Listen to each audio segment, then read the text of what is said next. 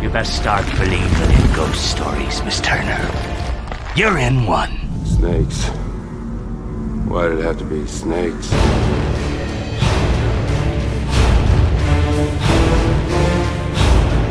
Raiders of the Lost Ark. Pirates of the Caribbean. The Curse of the Black Pearl.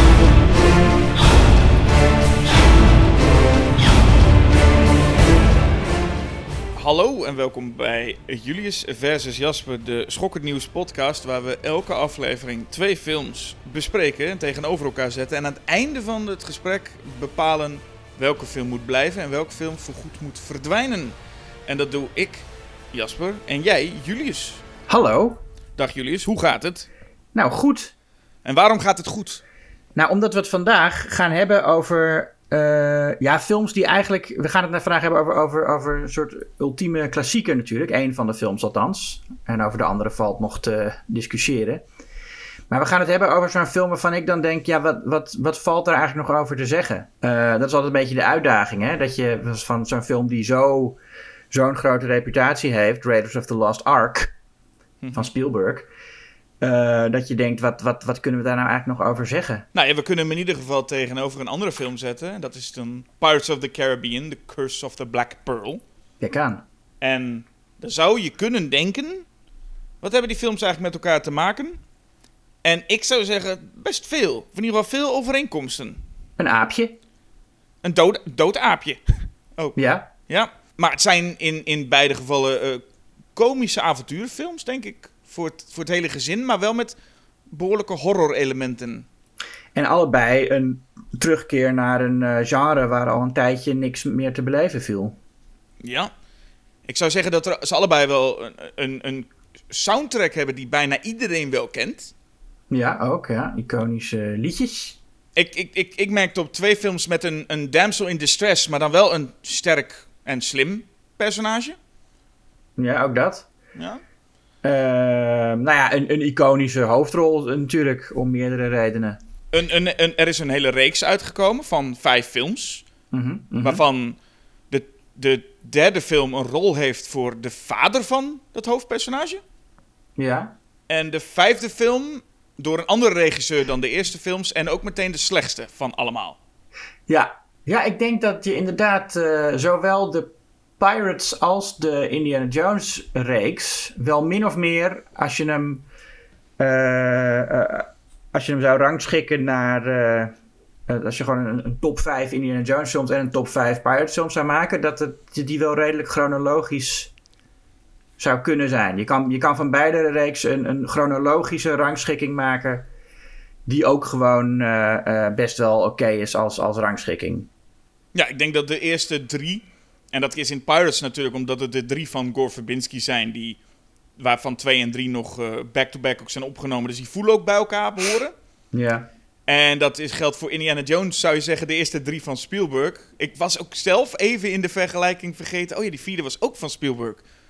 ja. Het voelde een beetje als niet zo, maar het was wel een, een, een, een, zo'n vervolg lang na die originele drie. Ja, maar ik, heb, ik moet nou zeggen, ik heb het ook weer eh, Kingdom of the Crystal Skull herkeken. Ik vond niet eens zo slecht als, eh, als de reputatie nu is. Ik denk ook, ik, ik vind eigenlijk de, de hoe, hoe, hoe ver hij naar beneden gaat in kwaliteit, is niet zo heel veel groter dan de afstand tussen Temple of Doom en Last Crusade voor mij.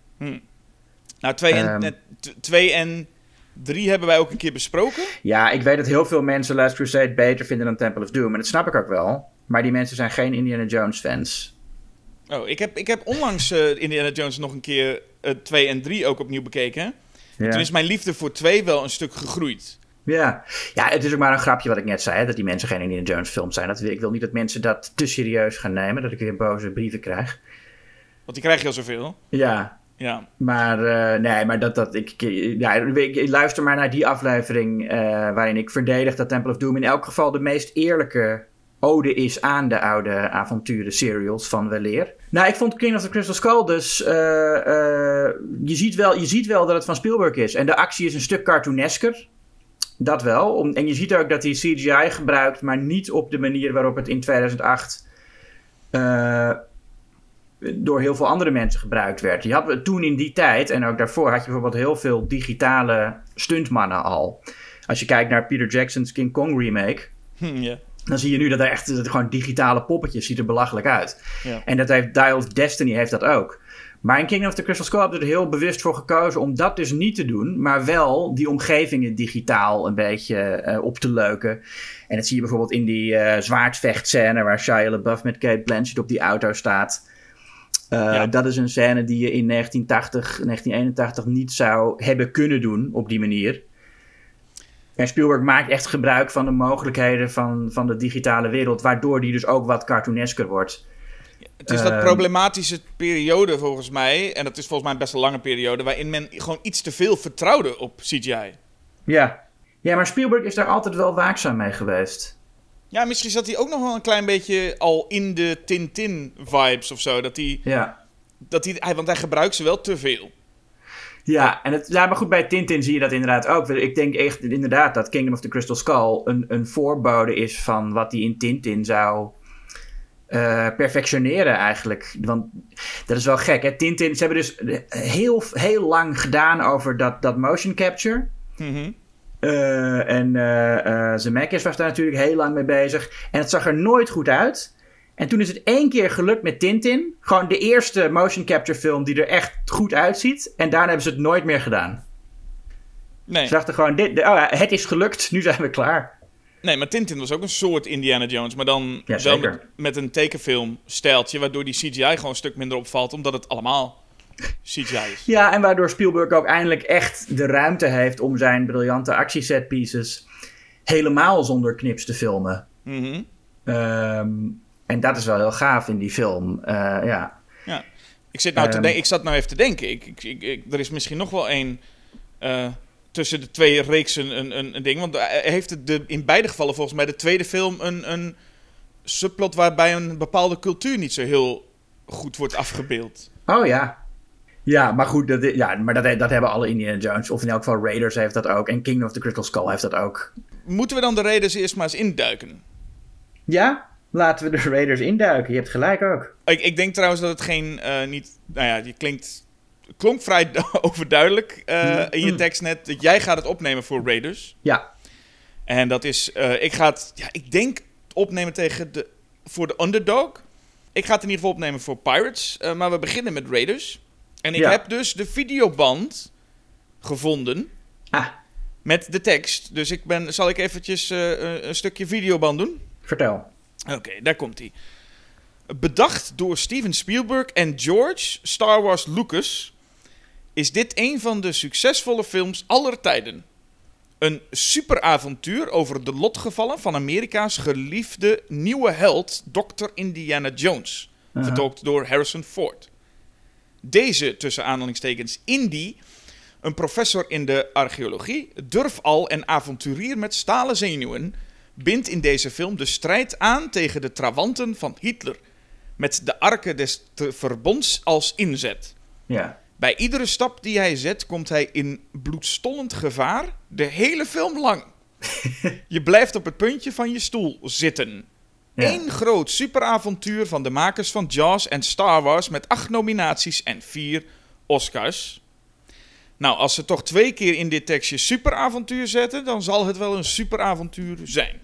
Ja, dat lijkt me wel. En hij staat er op de voorkant van die video. Staat daar Raiders of the Lost Ark of Indiana Jones en The Raiders of the Lost Ark? Ja, want dat is nogal een ding, hè? Ja, dat die inderdaad de nieuwe, nieuwere DVD-release van de film. En ook, voor mij stond hij ook op Netflix als Indiana Jones en The Raiders of the Lost Ark. Wat een onzintitel is, want Indiana Jones is een van de Raiders of the Lost Ark. Ja, en deze eh, videoband heeft inderdaad Raiders of the Lost Ark. Ja, gelukkig. Ja. Dat is de titel van de film, Raiders of the Lost Ark, en niet anders. Nee. Eh, en inderdaad, eh, IMDb heeft het ook al aangepast. Inderdaad, Indiana Jones en The Raiders of the Lost Ark. Ja, op IMDb zelfs? Jeetje, dat is gewoon geschiedsvervalsing. Nou, er staat wel bij originele titel Raiders Ja. of the Lost Ark. Maar ze gaan toch voor de populaire titel. Het is Indiana Star Wars Jones eh, effect, hè? Ja, maar ja, bij Star Wars vind ik het nog wel. Vind ik het ook vervelend, maar daar, daar, daar is het in elk geval niet fout. En Indiana Jones en de Raiders, dat is gewoon verkeerd. Ja, Hij is een Raider. Hij is Nou een ja. Raider. Hij is een raider, dat zien we in de openingsscène al. Ja, wat volgens mij is de openingsscène, ah, dat, dat denk ik dus. De openingsscène is volgens mij waar, waar we allemaal, daar krijg je alles te zien waar we Indiana Jones in principe van kennen. Of die dat Ja. nou in de vervolgfilms wel of niet doet. Ik heb het gevoel dat hij gaat een oude grot in en dan eh, eh, gifpijltjes worden geschoten. Hij zoekt een schat en eh, er- zitten allemaal booby traps. Dat is volgens mij wat wij echt zien. Die eerste, wat zal het zijn, kwartier? Dat is Ja, volgens zoiets. mij wat wij koppelen aan dit is Indiana Jones. Als je dit ooit ziet, zeg je dat is Indiana Jones. Ja, hij krijgt ook echt een iconische entree. Hè? Je ziet hem zo vanuit de schaduw onthuld. Je ziet eerst hier dat hij die landkaart vasthoudt, waarop hij de locatie zoekt. Ja. En nou, dan krijgt hij zo van, ja, oh ja, dan zie je nog dat hij met een zweep zo'n geweer eh, of een pistool in iemands hand slaat. En dan krijgt hij zo dat, dat eerste Indiana Jones shot. En nu, de, dat is heel raar als je dat in je eerste film al eh, zo doet. Je zou dat verwachten in een vervolg van hier is hij weer. Maar hij wordt meteen al echt als een icoon neergezet. Maar dat is wat ze bij Kingdom of the Crystal Skull doen, toch? Dan is er een hoed en een silhouet en dan is het meteen, Ja. aha, dat is hem. Maar hier doen Maar, ze maar hier gaat ook. het ook zo. Je ziet eerst de silhouet. Ja. Het enige wat me opviel is dat ze doen er dus mysterieus over. Met de hele tijd zie je, zie je hem op de rug of in de schaduw. Mhm. En dan denk je, nu komt er een soort bombastische entree. Maar dat is dan niet zo. Hij stapt gewoon uit de schaduw. Vrij, Ja. vrij normaaltjes eigenlijk. Nou ja, normaaltjes. Het is wel het gezicht van Harrison Ford. Het is het gezicht van Harrison Ford, maar het is het personage zegt ons niet zoveel. Dus misschien dat ze toen zoiets hadden van we bouwen op naar ah, Harrison Ford. Dat was wel in de, dat was jaren 80, begin jaren 80 wel een, eh, een dingetje. Nou, je ziet echt dat Spielberg zegt van hier is jullie nieuwe held.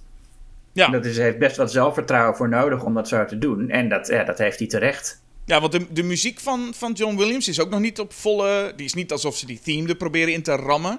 Nee. En de, de, de credits zijn ook op, opvallend. eh, zijn gewoon, gewoon kleine tekstjes in beeld, simpele credits zijn het. Simpele credits, ja. En dat zou daarna natuurlijk nooit meer gebeuren. Daarna wordt het, die theme moet je non-stop horen. Mhm. En de titel moet van het eh, beeld af eh, knallen. Ja, wat zoals in Temple of Doom zo prachtig gebeurt. Ja, en wat hier inderdaad gebeurt is een rustig door, een wandeling door de jungle met eh, Indiana Jones en, en Alfred Molina. Ja, In zijn eerste, eerste rol, geloof ik. ja.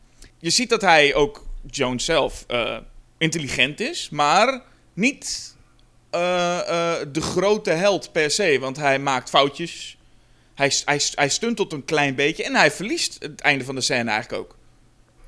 Ja, ja klopt. Eh, ja, hij verliest heel vaak. natuurlijk. Hij, hij heeft eigenlijk nooit de schat, ook in de vervolgen. Hij krijgt nooit die schat echt. eh, nou goed, hij, hij wil de schat ook niet in handen krijgen.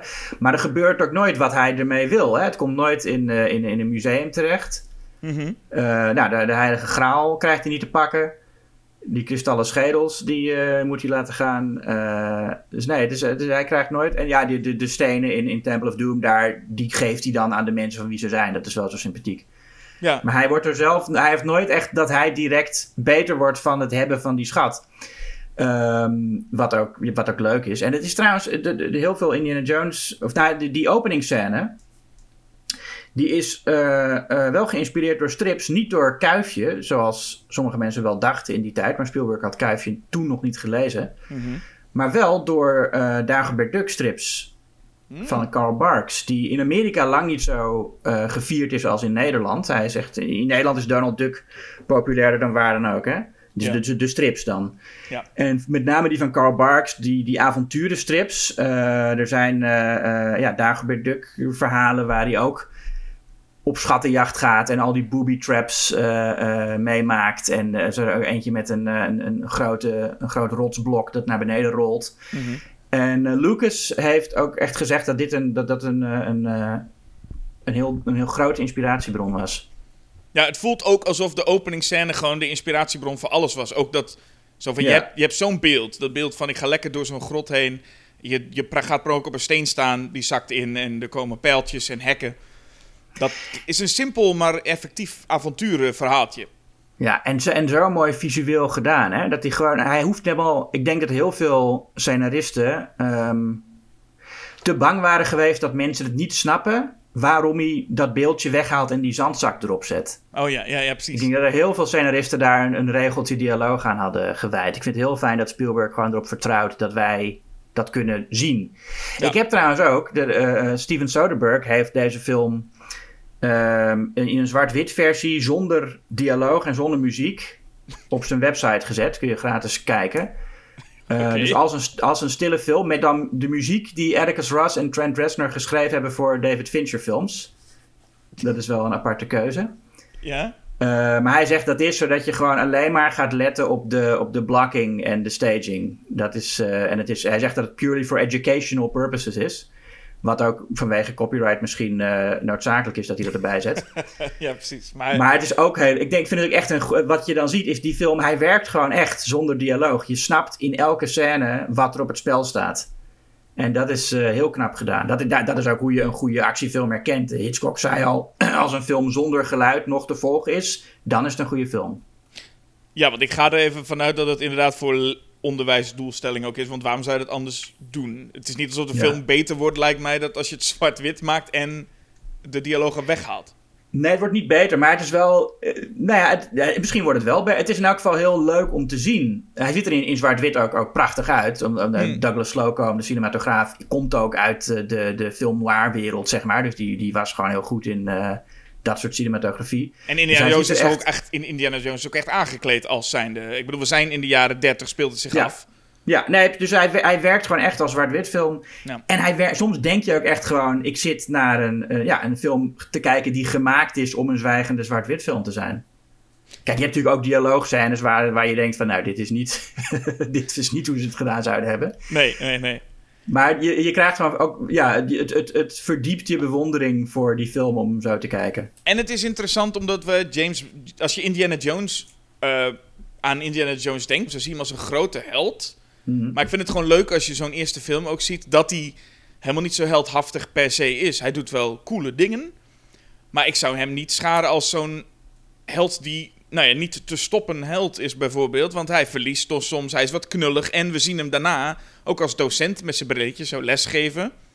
Ik vind het een heel fijn idee dat het zo'n, Ja. eigenlijk zo'n personage is en niet de, nou ja, ik denk misschien ook wel een beetje wat het later is geworden, maar vooral wat de rip-offs ervan gemaakt hebben. Eh, Ja. eh, wat Indiana Jones, dan is het echt een heldhaftige persoon. En ik vind het leuk dat het hier nog echt een personage is. Ja, ja. Ehm, je zei net dat die openingsscène alles van Indiana Jones al in zich heeft. Dat is ook inclusief de, de culturele eh, insensitiviteit waar we het net over hadden. ja. Want wat hij dus wil doen, hij wil gewoon een, een, een object stelen. Dat nog steeds, het is gewoon een, een levende religie nog, hè? Dat, Mhm. dat, dat, dat beeldje, dat wordt nog echt aan. Dat zie je als je naar buiten komt met het beeldje. Dan staan al die, eh, al, al die junglebewoners daar en die aanbidden dat beeld. Dus hij zit gewoon echt. Het is alsof je in, in Amerika een kerk zou binnenlopen en, en, en Jezus van het kruis zou tillen. En eh zeggen: Ja, nee, maar dit moet in een museum. En dan wegrennen terwijl al die katholieken achter je aanrennen. Ja, ja wij nemen het allemaal maar aan dat Indiana Jones wil dat, dus dan is het goed. Ja. Maar, Maar dat is niet. Nee, maar ja, het kan nog, je kan nog wel zijn, want ehm, hij wordt meteen... We komen ook de grote slechterik eigenlijk tegen. Mhm. Zijn eh Belloc. Paul Freeman. Ja. En je hebt wel het gevoel dat hij ehm, er ergere plannen mee heeft, waardoor het dan dat Indiana Jones de minder slechte persoon eigenlijk is. En dat maakt, dat maakt het dan iets beter. Zo van, Ja. nou, als Paul Freeman het maar niet in handen krijgt. Dat is wat we eigenlijk allemaal met ja, z'n allen nee, moeten denken. precies, ja, ja. Maar je ziet ook wel, het is ook, ja, hoe, hoe hij dan die stam ook eh, als een soort eenheid eh, onder controle heeft. Hè? Dat, dat Ja. is ook, eh, ja. zou je nou niet meer zo doen. Nou, En, en als het goed is, is wat je hier ook gaat zien, is dat Alfred Molina speelt ook een personage die, ik, ik, nou ja, volgens mij ook ehm, niet helemaal zijn eh, etniciteit heeft. nee, oh ja, ook dat. Ja, en daar komen we later nog een voorbeeld van tegen. En nog wel meerdere, dacht ik, ja.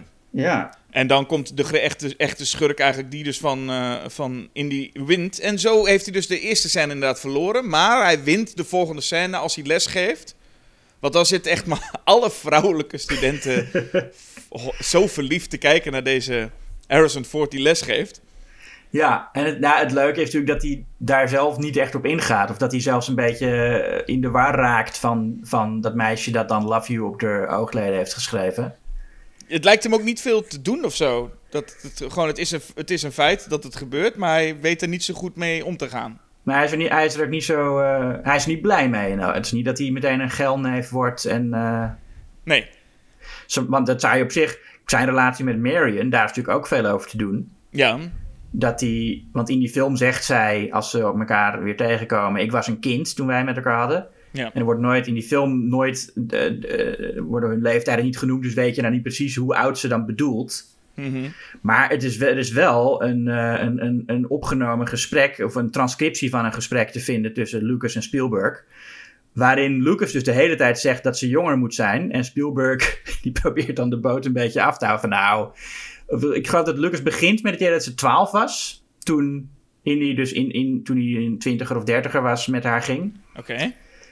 En dan zei Spielberg van, eh, she better not be 12. En dan zegt hij, nou oké, maar dan eh 14, niet, niet, niet, niet, niet ouder dan 15. Dan is het niet leuk. Maar wat, wacht, was dat een, een dialoogje?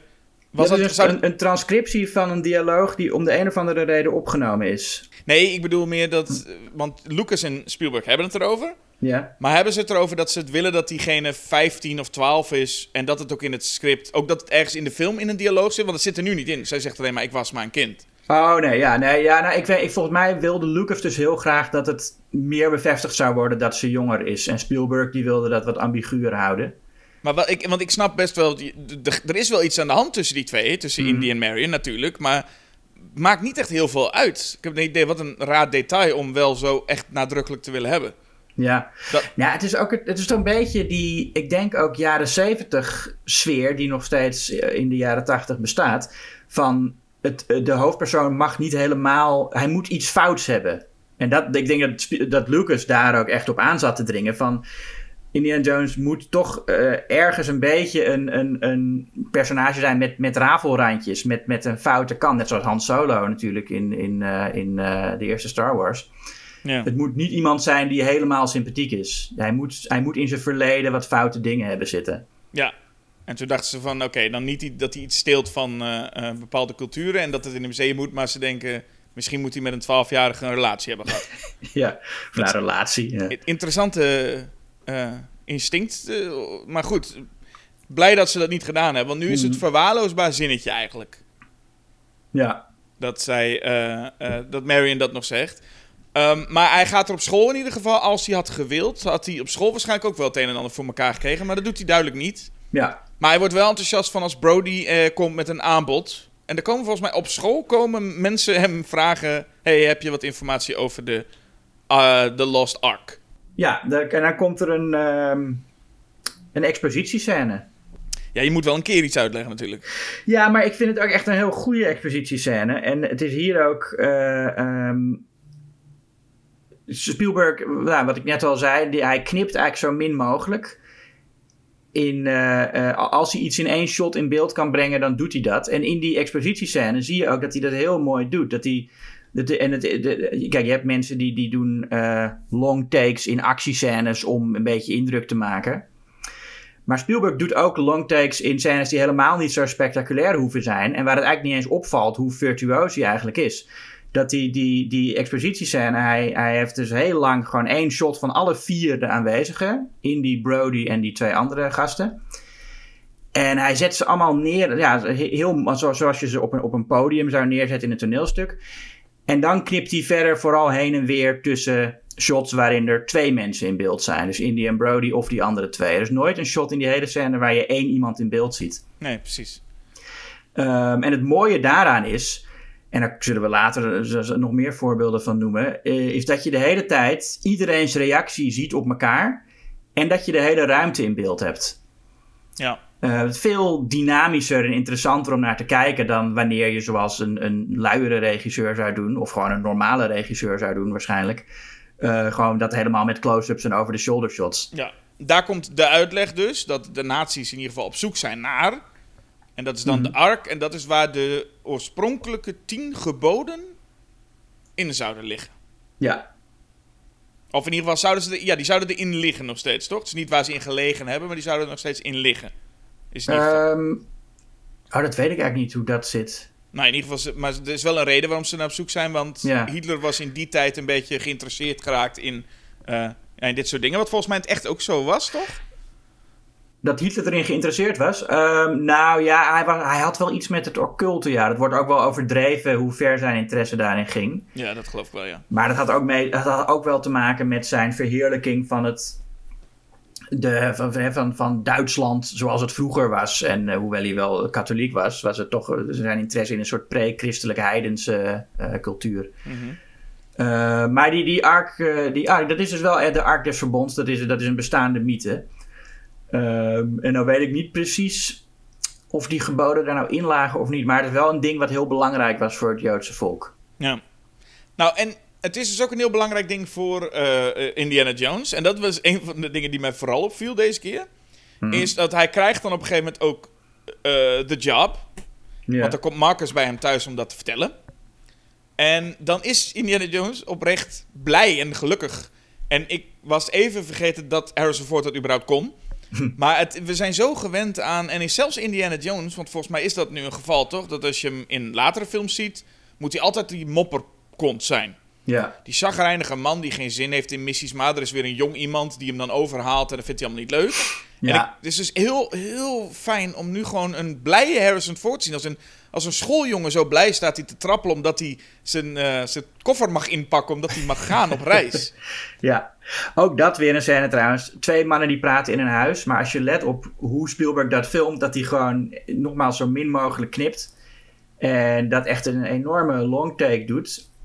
Het is zo virtuoos, terwijl het helemaal niet noodzakelijk is. Nee, en ik geloof dat het wel was dat hij nu in een badjas eh, aankomt lopen. ja. En dat volgens mij eh, eh, wel de bedoeling was dat we even een dame zouden zien daar.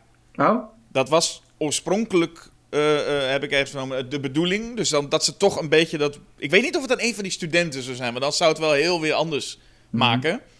Maar de- er was daar wel het idee dat ze toch iets met Indiana Jones de Womanizer wilden doen. hij is natuurlijk de, oh, een van de inspiratiebronnen, natuurlijk ook James Bond. Ja, ik denk dat het daar ook in zit, inderdaad. Dat, Ja. ze, dat, dat, dat men toen dacht, oké, dan moeten we hem wel in die... Maar door die scène eruit te knippen, mis je dat hele gevoel. Zeg maar, als je daar in die scène een vrouw nog in bed zou zien liggen of iets dergelijks, dan heb je een heel ander gevoel bij Indiana Jones. Want nu krijgen we het gevoel van, Ja. oh, die, die, die eh, studenten boeien hem allemaal niet zoveel. En hij, hij mag op reis, jee, hij is helemaal blij. En dan komt hij Marion weer tegen. Dus Ja. dan hebben we dat hele gevoel niet meer, want voor de rest van de film gaat hij nooit aan de flirt. Nee, in, in, in die scène in, in zijn huis is het veel meer kuifje. Gewoon een seksloze eh, kuifje. Ja, zo'n man die meteen denkt, ik, ik, ik vind het leuk en is helemaal blij met Mar- van Marcus. En ik mag, ik mag Ja. op reis, ik mag op reis. Ja. Het enige wat hij nog wel zegt is, dat wordt in ieder geval vaker aangehaald, is dat hij zegt, ja, ik geloof niet in magie en hocus pocus. Mhm. En dat is dan, schijnt licht problematisch te zijn, omdat Temple of Doom dus een prequel is. Dus dat Ja. zou die technisch gezien allemaal meegemaakt moeten hebben. En dan nu zeggen, ik geloof niet in magie en hocus pocus. Nou ja, kijk, je kan natuurlijk zeggen van hij heeft gezien, oké, hij heeft gezien dat het ritueel werkt, dus dat hun religie klopt. Dan zou hij nog minder geneigd moeten zijn om, om te geloven dat, eh, de, dat het Jodendom ook eh, eh, klopt. Ja, en ik, ik, ik vind het nog steeds... Misschien heb ik dat in die podcast ook nog wel gezegd... maar ik vind het ook nog steeds een beetje een vreemde keuze. Het hoeft niet per se een prequel te zijn, Temple of Doom. Nou ja, dat is omdat, omdat ze niet wilden dat hij zo snel alweer klaar zou zijn met Marion. dat, hij een nieuw, eh, dat, dat, dat hij een nieuw liefje zou krijgen. Nee. En dat ze hem niet weer tegen de nazi's wilden laten vechten. Dus daar waren ze extra dat ze denken van... oh, we willen, niet, we willen nu echt geen James Bond van maken. Want daar had James Bond Ja. nooit een probleem mee. Om, Ja, oh, nee, precies. Ik ja. blijf, en, en Ethan Hunt trouwens in het begin ook niet. Van, oh, ik blijf voor goed bij jou. En dan de volgende film, oh, ik weet helemaal niet meer wie je bent. Nee, klopt. En een nieuw liefje. Maar goed, ja, ik vind ook... Karen Allen is voor mij het hoogtepunt van eh, de film. Wel. Hm. Een van de grote hoogtepunten. Ehm, sowieso, de, de, de lach van Marion is echt onweerstaanbaar als zij gaat lachen. Ja. En nou ja, we ontmoeten haar al in Nepal. Mhm. En dan is ze een zuipwedstrijd aan het doen van iemand die, waarvan ik me in de notities omschreven heb als Susan Boyle. En dan zeg ik niks over Susan Boyle, maar ik zeg vooral iets over die man. Die heeft een heel vrouwelijk gezicht. ja, dat klopt wel, ja. Een ja. heel vrouwelijk gezicht, maar het is een hele enorme man.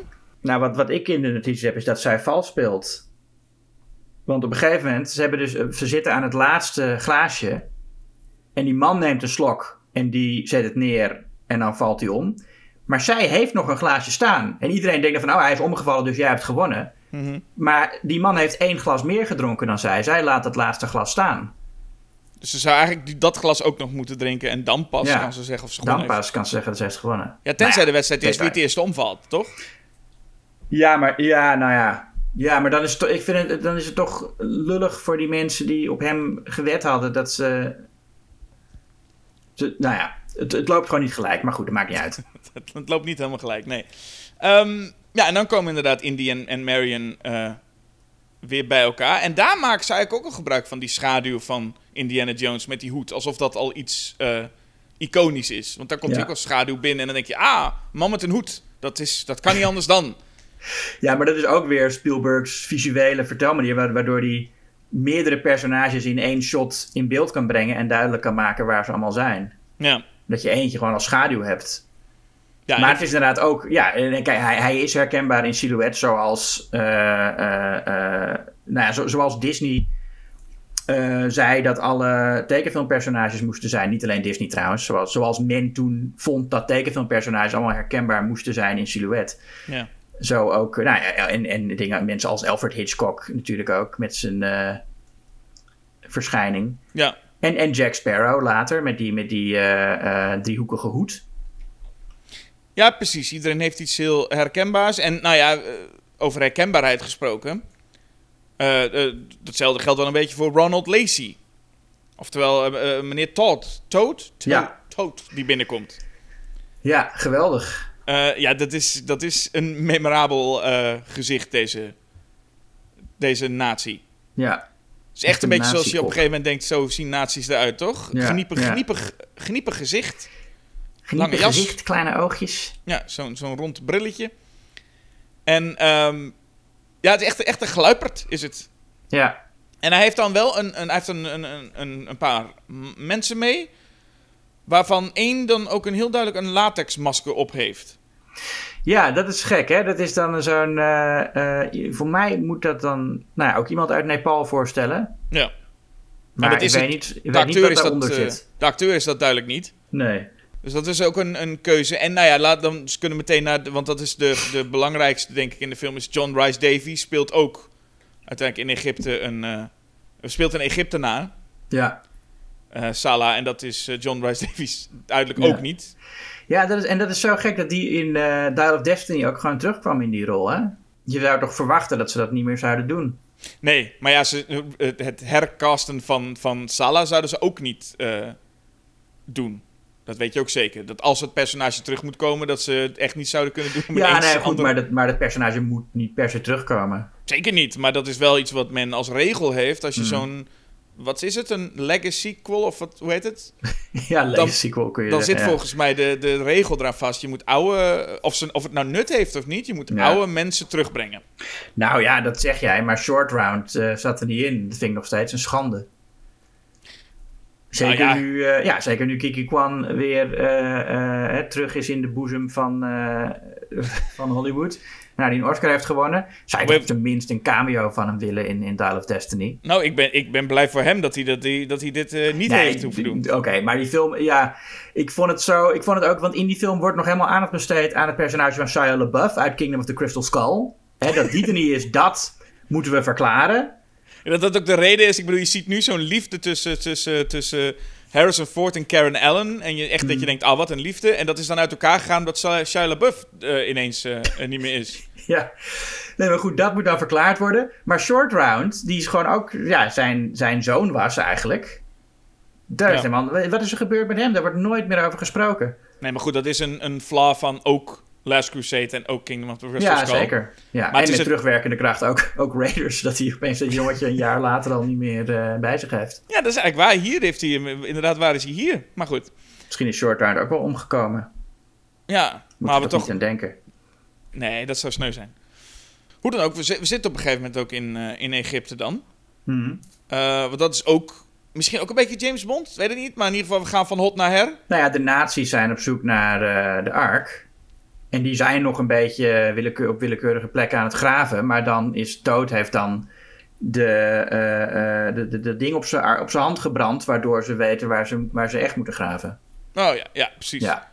Wat ook nu is misschien goed om te noemen. Heel veel mensen zeggen dan van... Oh, maar eh, het maakt helemaal niet uit dat Indiana Jones er is. Hè? Dat is een populair ding om te zeggen over deze film. Het grote kritiekpunt wat vaak mensen zeggen van Raiders of the Lost Ark, toch? Want dat is een grap ook uit The Big Bang Theory, geloof ik. Ja. Waar inderdaad, inderdaad dan iemand zegt van... Ja, eh, Indiana Jones, het personage had er niet hoeven zijn. En dan was de, was de uitkomst hetzelfde. Ja, nou, maar dat, dat is niet zo, want hij leidt de nazi's naar Marion. Hè. Ze- De nazi's achtervolgen hem omdat ze weten dat hij iets met die ark heeft. Hij gaat naar Marion en daar vinden ze dat, dat, dat amulet, of wat het, wat het ook is, waar, waarmee ze dus die ark vinden. Dus de- door hem komen de nazi's die ark te vinden. En als ze hem zonder hem hadden gevonden, nou dan wa- waren ze misschien ook allemaal verbrand. Maar dan had die ark daar dus gestaan. En het is door Indy dat de ark uiteindelijk gevonden wordt en opgeslagen wordt in een groot magazijn. Ja. En als de nazi's zonder hem Marion hadden gevonden, dan hadden ze haar vermoord. Ja. Dus het is zeker eh, eh, de, de, de, het, het, de, inv- de, het bestaan van Indiana Jones en zijn handen in deze film heeft zeker invloed op wat er gebeurt met de ark. En daarnaast is het ook gewoon natuurlijk geen echte kritiek op de film. Want het gaat er helemaal niet om of hij de ark vindt of niet. Het gaat over gewoon het, avontuur dat hij beleeft. En, eh, en, en, dat hij, en dat hij weer met Marion gaat aan het einde. Dat is de, de schat die hij wint. Weet je wel, the real treasure is love. Ja, ik had er ook nooit echt zo bij nagedacht. Je kunt heel veel films waarschijnlijk wat doorgaan en kijken wat was er gebeurd als de held niet aanwezig hier was. Ja. Maar het is niet altijd een gegeven dat het altijd slechter had geëindigd als de held zich er niet mee was gaan bemoeien. Nee, John hoeft- Wick had ook lekker thuis kunnen blijven. Ja, die was het ook niet veel veranderd. Gokken. Nee, nee. Ja, er is ook zo'n scène, een bekende scène uit. Wat ik nog steeds een hele goede grap vind. Maar dat is een bekende scène waarin er een zwaardvechter is en Indy schiet hem neer. Mhm. En daar werd dan heel erg lang werd echt het verhaal van... Ja, dat heeft Harrison Ford gewoon bedacht. Ter plekke omdat hij ziek was. Ja. Ehm, en ik moest toen zelf even twijfelen. Ik denk, ja, maar dit, dit is ook weer zo'n verhaaltje. Ik denk, dit is bijna gewoon waarschijnlijk bedacht. Ja. Ik ben er even ingaan en het is dus klopt deels wat ik, wat ik in ieder geval heb gezien. Want het is niet zo dat, dat echt alles helemaal voorbereid was en, en gewoon ziek was en toen dacht ik schiet deze gast maar gewoon neer. Dat, je ook, dat hij het improviseerde. Dat hij het, ja, nou, zo, zo werd het altijd gebracht. Zo van, hij was ziek en hij zei, weet je, kan ik hem niet gewoon neerschieten? En dat iedereen zei, oh Harrison, je bent zo grappig, laten we meteen dit filmen. Ja. Het was wel zo dat er echt scènes, een behoorlijk lang gevechtscène van meerdere dagen gepland was. En de opnames ook gewoon echt heel erg uitliepen sowieso. Ja. En dat Harrison Ford nog ziek was. Maar ik vind het wel leuk hoe zo'n verhaal zo op een gegeven moment een wending krijgt... dat mensen op een gegeven moment gaan denken van... ah, dit heeft Harrison... Dit, het- de reactie van alle mensen is echt nu. Want Ja. hij schiet hem voor, het, voor de grap nu... of hij schiet hem nu neer, heeft hij zelf net bedacht. Maar dat is natuurlijk allemaal onzin. Ja, nee, dat is. Maar dat zijn. Dat, zo wordt altijd. Als, als je echt. Als je Twitter afgaat, dan zie je dat de helft van alle iconische scènes zijn dan zogenaamd geïmproviseerd door de acteur op het moment. En, en Ja. dus de reacties zijn echt. Je zou. Je zou ja. Ik vind het ook grappig bij dat ze dat bij bijvoorbeeld Alien zeggen. Van niemand wist van dat de alien uit John Hurt's buik zou schieten. Dat snap ik dat dat zo is. Maar zeggen ze, alle reacties zijn echt. Maar dan denk ik, ah ja, dus alle shots die ze gemaakt hebben, dan hebben ze dan close-up en nog een totaal. Ja. En de acteurs waren iedere keer weer verrast. Ja, nee, maar het is, ook, het is ook niet waar dat ze niet wisten. Want ze, het is natuurlijk niet. Ze zagen wel dat, dat, dat daar niet echt Ford ligt. Het is toch een nepbuik. Dus ze wisten wel dat er iets uit zou komen. Precies. Maar zij dachten dat het. Ze wisten niet hoe dat monster eruit zou zien. En ook niet dat er zoveel bloed bij zou komen. dat ze echt bespetterd zouden worden. Ja, dus het is eigenlijk gewoon, acteur kreeg bloed in het oog, had dat niet verwacht. Reageert dan echt met, godverdomme, dat vind ik niet leuk. En dat hebben ze gebruikt. En dan helemaal zeggen van, ah, ze wisten niet dat dit ging gebeuren. Ja. Nee, Maar ja, dat is ook weer zo. Oh ja, Titanic is er ook een. Waar dan gezegd wordt dat de scène waar Billy Zane boos opstaat. en een tafel omver gooit. Ja. dat dat eh, eh, geïmproviseerd was door hem en dat de reactie van Kate Winslet dus echt is. Maar ja, dat is ook niet. Kijk, als haar reactie daarop echt zou zijn, dan zou ze zeggen: Wat de fuck doe je nou, man? Dit is niet deze scène. Dat zou een echte reactie zijn. Maar nee, dat, en- en natuurlijk is het. Billy Zane werd laatst in een interview daarna gevraagd. Die zei ook: Natuurlijk ga ik dat niet doen. Ik ga niet de hele set omgooien. Wat, wat weet je wel, wat, wat uren heeft gekost om zo op te bouwen. En dat shot. Ik ga niet dat allemaal verpesten voor een, voor een stukje ijdele improvisatie. Ik ben en, eh, tegenover de ster van de film, terwijl ik een bijrolacteur ben. Zou ik dan dat gaan doen? Dat, is, dat, dat- wel nergens op. Nee, precies. Nee. Dus dat soort verhalen, als iets geïmproviseerd, als mensen zeggen dat iets geïmproviseerd is in een film, vraag jezelf even af, hoe zou dat echt zo kunnen zijn? Ja. Maar ik moet wel zeggen, dus er is een deel wel waar dat er een groter ding gepland stond. En het is uiteindelijk een goede grap uitgekomen. Een, een zwaardvechter die heel erg een showtje opvoert en Indy die hem gewoon simpelweg neerschiet. Dat is Ja. een leuk eh, grapje. Mhm. Ehm, en dan is het in ieder geval wel zo, omdat ik heel erg met Spielberg de Jaws-vergelijking moest maken. Met, het is in ieder geval wel zo dat Spielberg goed weet hoe hij met een tegenslag om moet gaan en daar soms nog iets beters uit haalt. Ja, En dat is in ieder geval wat je hier met zoiets ook ziet, want het is een leuke grap en misschien wel een van de leukere grappen in de film. En dat is wel een beetje ontstaan door, oh, we zitten een beetje in tijdsnood of het gaat niet helemaal lekker. En je hebt daar natuurlijk ook weer het, het culturele gedoe, hè, van eh, dat ze daar nog met zwaarden elkaar eh, de kop afhakken en dat hij dan een pistool heeft dat ze daar niet zouden kennen of zo. Nou, en later loopt hij ook die bar in en dan zit Belloc daar en dan zegt, dan zegt hij ook iets van, ja, die Arabieren kan het toch niks schelen als wij elkaar hier eh, vermoorden. Dus Ja, dat- dat, ja. Ja. en dan zitten ook die twee mannen daar in dat café met, een, met, met pistolen. Mhm. Hè, een levensgevaarlijke situatie. Ik vond het vooral heel grappig hoe Salah denkt, oh, we gaan Indy redden. En hij stuurt al zijn kinderen naar binnen Ja. om Indy te beschermen. En dan denk ik gewoon, jij bent ook, jij bent ook een leuke, weet je Maar ja, wat, wat ik dus bedoel, met, eh, kijk, als mensen zeggen dat Temple of Doom, je hoort ook wel dat mensen Temple of Doom dan de, de minste vinden of een van de mindere. En dan zeggen, er wordt heel vaak ook het racisme aangedragen als argument. Maar dat zit hier dus ook al gewoon in. En hier zijn mensen dan bereid dat te negeren, omdat ze die film beter vinden. Maar eh, nee, het, het zit er gewoon in. En het is ook, kijk, dat, dat is natuurlijk ook zo, omdat de oude serials waar Spielberg en Lucas zich op baseerden ook zo waren. Dat het niet goed praat of zo. Maar ja, het, het, het, het is nou eenmaal. Ja, het is best wel onlosmakelijk verbonden met het genre van de avonturier uit een westers land die dan exotische oorden bezoekt. Ja. Eh, dat, ja, dat blijft dus een, een, een, kolonialistisch eh, pleziertje. Eh, en dat is, ja, dat is problematisch. Het maakt niet dat we niet van die films kunnen genieten of dat dat allemaal fout zou zijn. Maar het is wel goed om te erkennen. Ja, daar, daar hebben ze dan weer geluk mee dat ze de nazi's als slechterikken hebben. Ja. Want ik, ik, ik vraag me af wanneer de tijd ooit komt dat dat niet meer not done is. Dat, je de, dat de nazi's, nou, die afgebeeld worden. Dus daar hebben ze hier wel geluk mee. ja. Dat ze denken, hier kun je gewoon, dit, dit dateert niet zo snel. Nee. Wat sowieso ook niet echt heel snel dateert, vind ik de leukste grap. Ik had het net over die zwaardvechter, maar de leukste grap vind ik de grap met de kleerhanger. Eh, het is zo'n leuk visueel grapje van Toad die... Toad? Toad? Toad. Ja, Toad. Ja, of Toth. Het is, het is, nou ja, het is TH, eh, T-O-T-H volgens mij. Hè? Dus in, in Duits zou dat Toad zijn. Toad. Ja. Ja. Nee, ik denk altijd als ik het zeg dat, dat, je, dat je dat Super Mario Brothers personage als paddenstoel binnen ziet komen. Maar eh, deze Toad komt dan binnen. Heel dreigend. En dan haalt hij zo'n soort van martelwerktuig uit zijn jas. En Marion kijkt ook heel gespannen. En dan vouwt hij er zo'n kleerhanger van. En Ja. dat vind ik een, gewoon echt een heel mooi, leuk grapje. Ja. Ehm, maar dat is wel een interessante toon sowieso met de film. De film is echt heel bijzonder. Een combinatie van best wel... Het is best wel bruut. Als je het hebt over de, de doden die je ziet, de schedels, de, de, de, het, is, het is vrij heftig soms. Mhm. Tegelijkertijd is het ongelooflijk cartoonesk. Met meerdere mensen die hardop schreeuwen als ze een standbeeld zien of zo. Je hebt dat hele melige gedoe met die manden en daarin verstoppen. Waar volgens Ja. mij ook de muziek zelfs lekker melig gaat worden. Ja. Volgens mij, wat ik ook zag, is deze film helemaal niet zo heel goed beoordeeld toen hij net uitkwam. Ik las in ieder geval een paar recensies eh, uit die tijd. En dat de film wel echt bekritiseerd werd om hoe, nou ja, gewoon dat het een beetje dom vermaak ook werd gezien.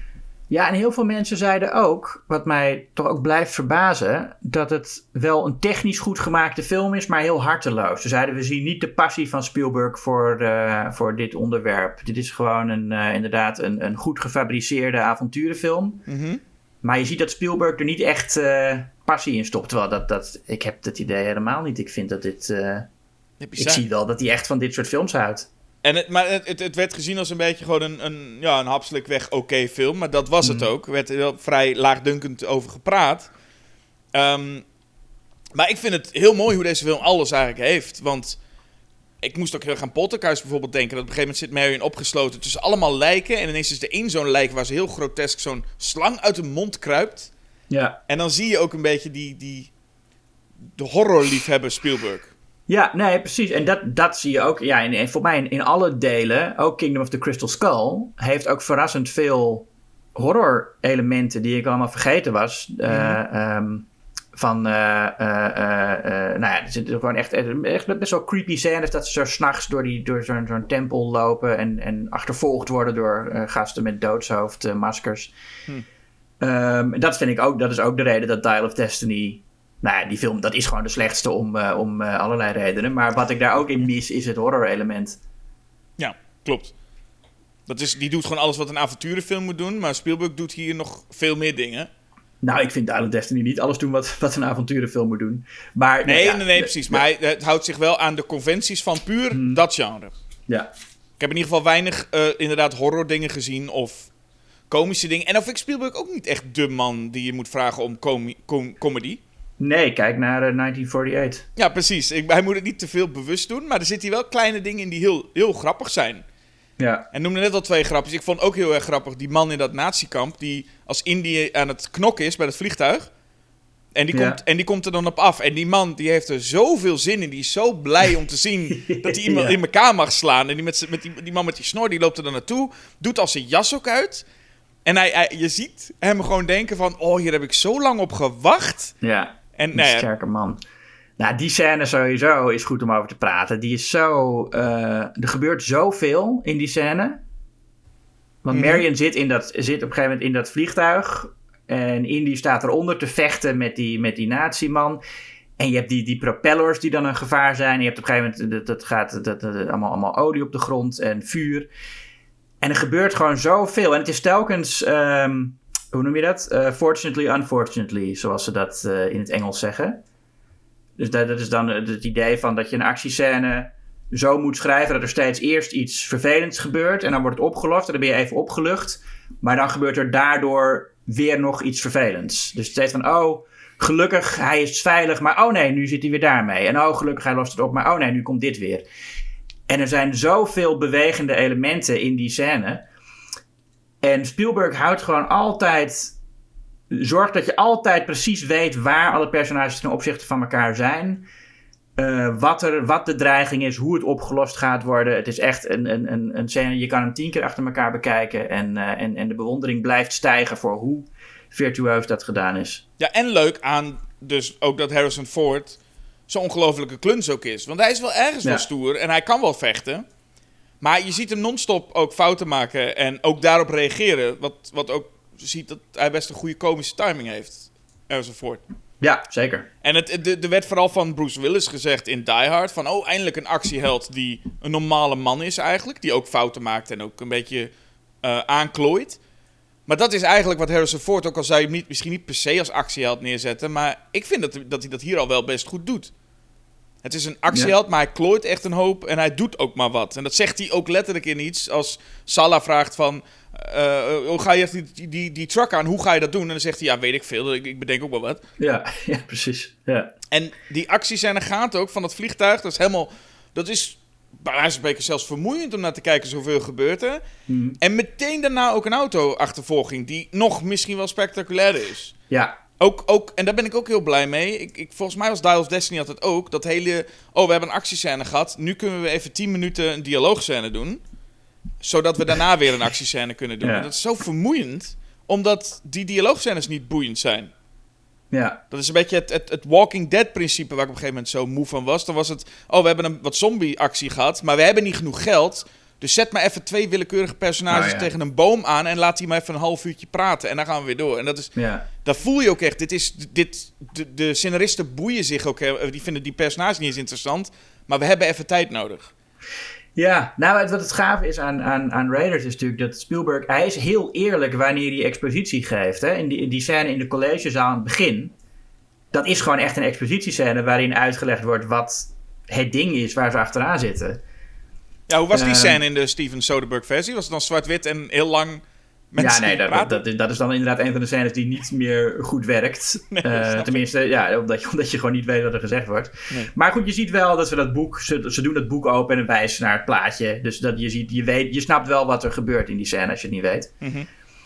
Eh, maar, eh, maar inderdaad, maar als hij dan eenmaal op gang is, dan blijft hij doorgaan en, en, en het tempo blijft verhogen. Waardoor je, er zit echt geen moment, nou sowieso geen scène die je eruit kan halen.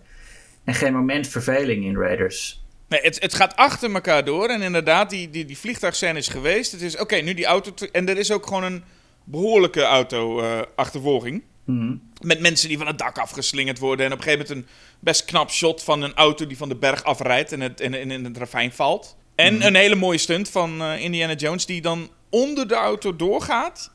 Aan zo'n touw blijft hangen, achter de auto aangesleept wordt. Het, het- hoe die dan onder die auto doorgaat, is een echt een knappe stunt.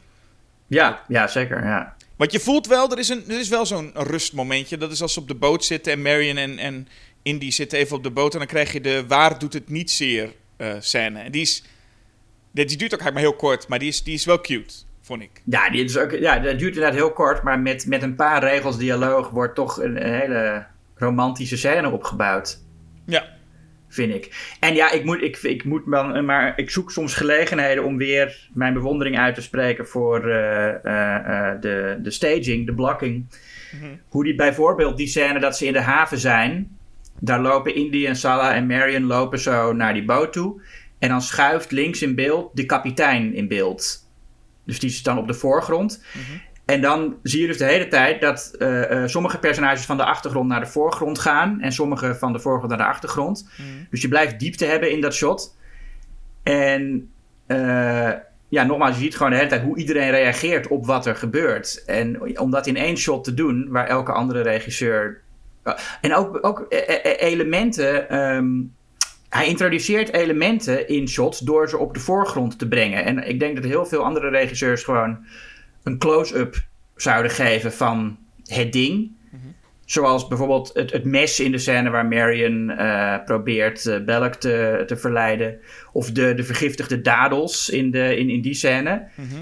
je, hebt, je krijgt geen insert van een close-up van die dadels. Je ziet gewoon een klein jongetje dat met, met, een, met een dienblad met die dadels in beeld loopt en langs de voorgrond loopt. Terwijl Indy en Salah op de achtergrond aan het praten zijn.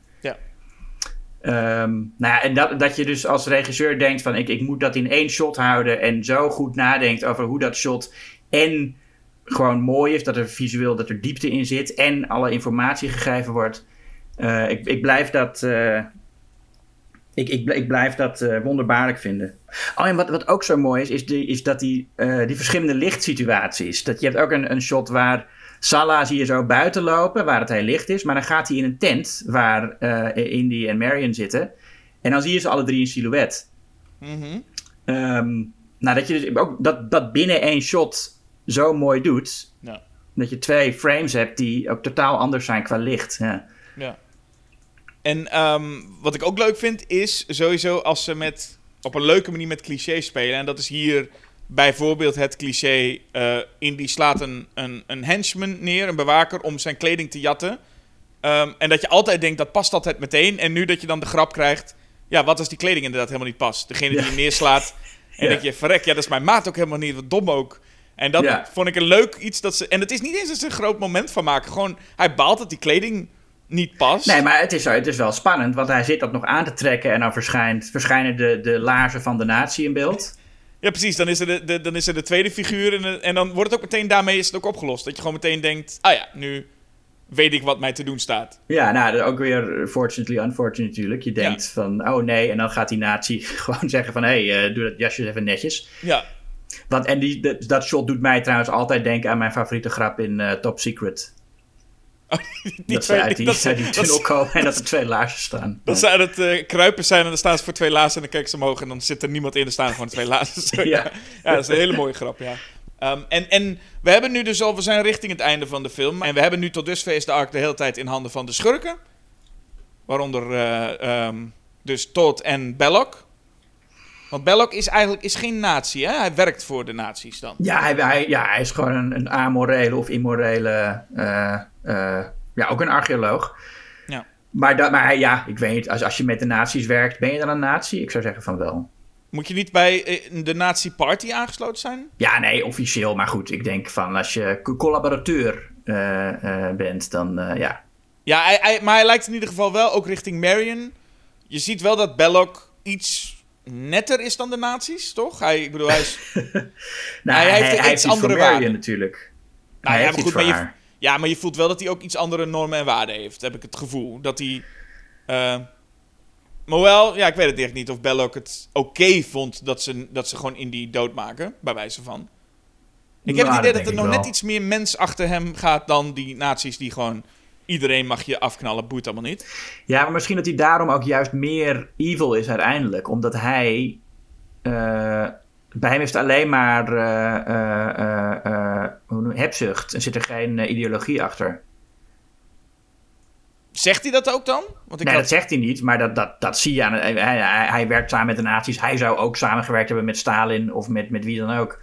Als, maar het, hij- maar iets, als, het maar zijn, als het hem maar geld oplevert. Nou, of geld, maar ik heb ook het gevoel Of dat hij ook wel vanuit een passie werkt met ik wil, gewoon, ik wil het gewoon zien. Ja, en hij wil, het, hij wil ook degene zijn die iets ontdekt heeft. Hij wil die roem, hij wil die status. Ja, want hij kan zeggen, ik, hier heb het geld voor de ark, maar hij wil erbij zijn. Hij wil er bovenop zitten Ja. om te zien van wat gebeurt er als je hem opent. Ja, zeker. Ehm, hij wil ook nog een, een, of hij wil niet, maar hij eet nog een vlieg op dan. Ja, ja dat is, vind ik. Is, maar is dat, dat zou nou wel. Dat zou ik op zich wel geloven als je zegt dat het geïmproviseerd is. Want hoe je zo'n vlieg kan trainen op, om op zijn gezicht te landen, dat weet ik niet. Er is inderdaad een vlieg die, dat is een vrij bekend shot dan, de vlieg die op Mhm. eh, Paul Freeman's eh, gezicht landt tijdens de scène, maar ook in zijn mond kruipt. Ja. En dat, ja, en, en dat, dat, dat wil, nee, dat lijkt me heel gek dat ze inderdaad zeggen: nee, dat moet gebeuren. En dat ze iedere keer aan de zijkant steeds vliegen er naartoe gooien. Ja. Het moet lukken. Moet ik heel goed gaan. Ja. Ja, maar het valt wel echt op. Ja. Ik dacht eens van, het zijn van die kleine dingen, dat weet je wel, dat lees je dan wel eens ergens van de bekende scène waarin een vlieg. En dat je denkt, ja, wa- weet ik veel waar dit gebeurt, maar dit is wel vrij duidelijk. Dit is bijna niet te missen. ja. Maar goed, en, en eh, ja, dan het einde dus. Hè. De ark gaat open. Ehm, Ja. daar, daar is ook nog wel wat over te zeggen. Ook, ook een heel bekend beeld. Ja. Ehm, de ark gaat open, er komen geesten. En dan smelten de gezichten van de nazi's. ja, en die- eentje ontploft. Nee, Belloc ontploft. Zijn hoofd ontploft. En de, Oh, ja. Maar het beroemdste shot is inderdaad hoe, hoe Toots gezicht eh, smelt onder zijn hoed. Ja, Ik vind het ook zo mooi dat die hoed dan zo naar beneden zakt. dat die hoed dan te groot is voor zijn, zijn gesmolten gezichtje. Ja. Ik vond nu dit keer, toen ik het zag, vond ik dat die effecten rondom die smeltende gezichten nog steeds heel goed. Ik vond die Ja. geesten die uit die eh, ark kwamen iets minder. Dat had wel een beetje, vond ik wel een beetje een knullig beeld nu toch. Het voelde voor mij een beetje zoals die CGI-toevoegingen in de Star Wars delen. Toen ik die, die het spook zag, dacht ik, ik was helemaal vergeten dat dat erin zat. Ja, dat had ik dus ook. Maar ik, ik, ik moest ook zeggen dat ik die ook niet zo heel mooi vond. Dat ik denk, oh, dat, dat Hmm. ah, ik- kon ik me ook inderdaad niet meer herinneren. Dat heb je ook niet nodig. Want ik weet, ik weet ook niet wie je het dan moet voorstellen. Nee. Het is niet, want je zou zeggen, het is gewoon de wraak van, of de, nou, de, ja, het is gewoon de, ja, de wraak van God op, op de mensen die zijn dingetje gestolen hebben. Maar, Maar wie, zou dan, wie zouden dan die spoken zijn? ja, geen idee. Nou ja, het is in elk geval, ze worden gestraft voor de pure hebzucht, eh, waarin die, eh, eh, wat dat betreft, nobeler is dat hij die dingen gewoon in een museum wil, wil stoppen. Ja. Zou dit een van de eerste films zijn met zo'n grote skybeam in de climax?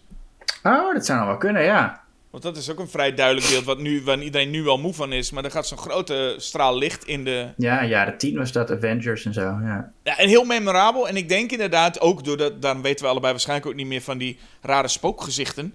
Omdat die, gewoon die smeltende naties, dat laat zo'n indruk op je achter. En ik kan me gewoon echt voorstellen, als je kind bent en je kijkt dit mee... dan is het al tegen het randje. Maar dan lijkt me dat, dat, dat die smeltende toot, dat dat wel even op je netvlies gebrand staat, toch? Ja, zeker. Ja, ook omdat het... Het is natuurlijk niet realistisch. Het, het, is, het is wat cartoonesk, maar wel creepy. En dat zijn ook dingen waar ik, ik als kind heel gevoelig voor was. Ja, Die, eh, die cartooneske gruwelen.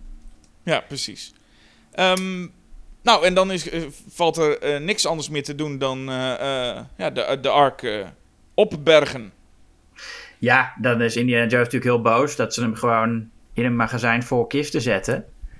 Ja. Het is een beetje een downer einde. Het is ook een beetje jaren zeventig-achtig. Dat, eh, dat downer einde voor zo'n avonturenfilm. Wat, wat is nou de downer? Want ik, ik kan me Nou voorstellen... ja, ik- dat, dat, kijk, Indy wil die ark gewoon in een museum tentoongesteld hebben. En, oh, en wil in elk geval dat er iets mee gebeurt. Maar zij zeggen, nee, wij zijn de autoriteiten. En wij gaan hem... En dan vraagt hij... En hij mag niet eens weten waar de ark dan is.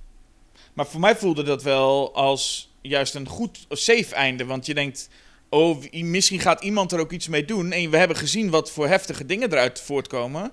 Je kunt hem beter echt goed beschermen. En aan het einde heb je echt het gevoel, ik in ieder geval, van... Oh, hij is in goede handen.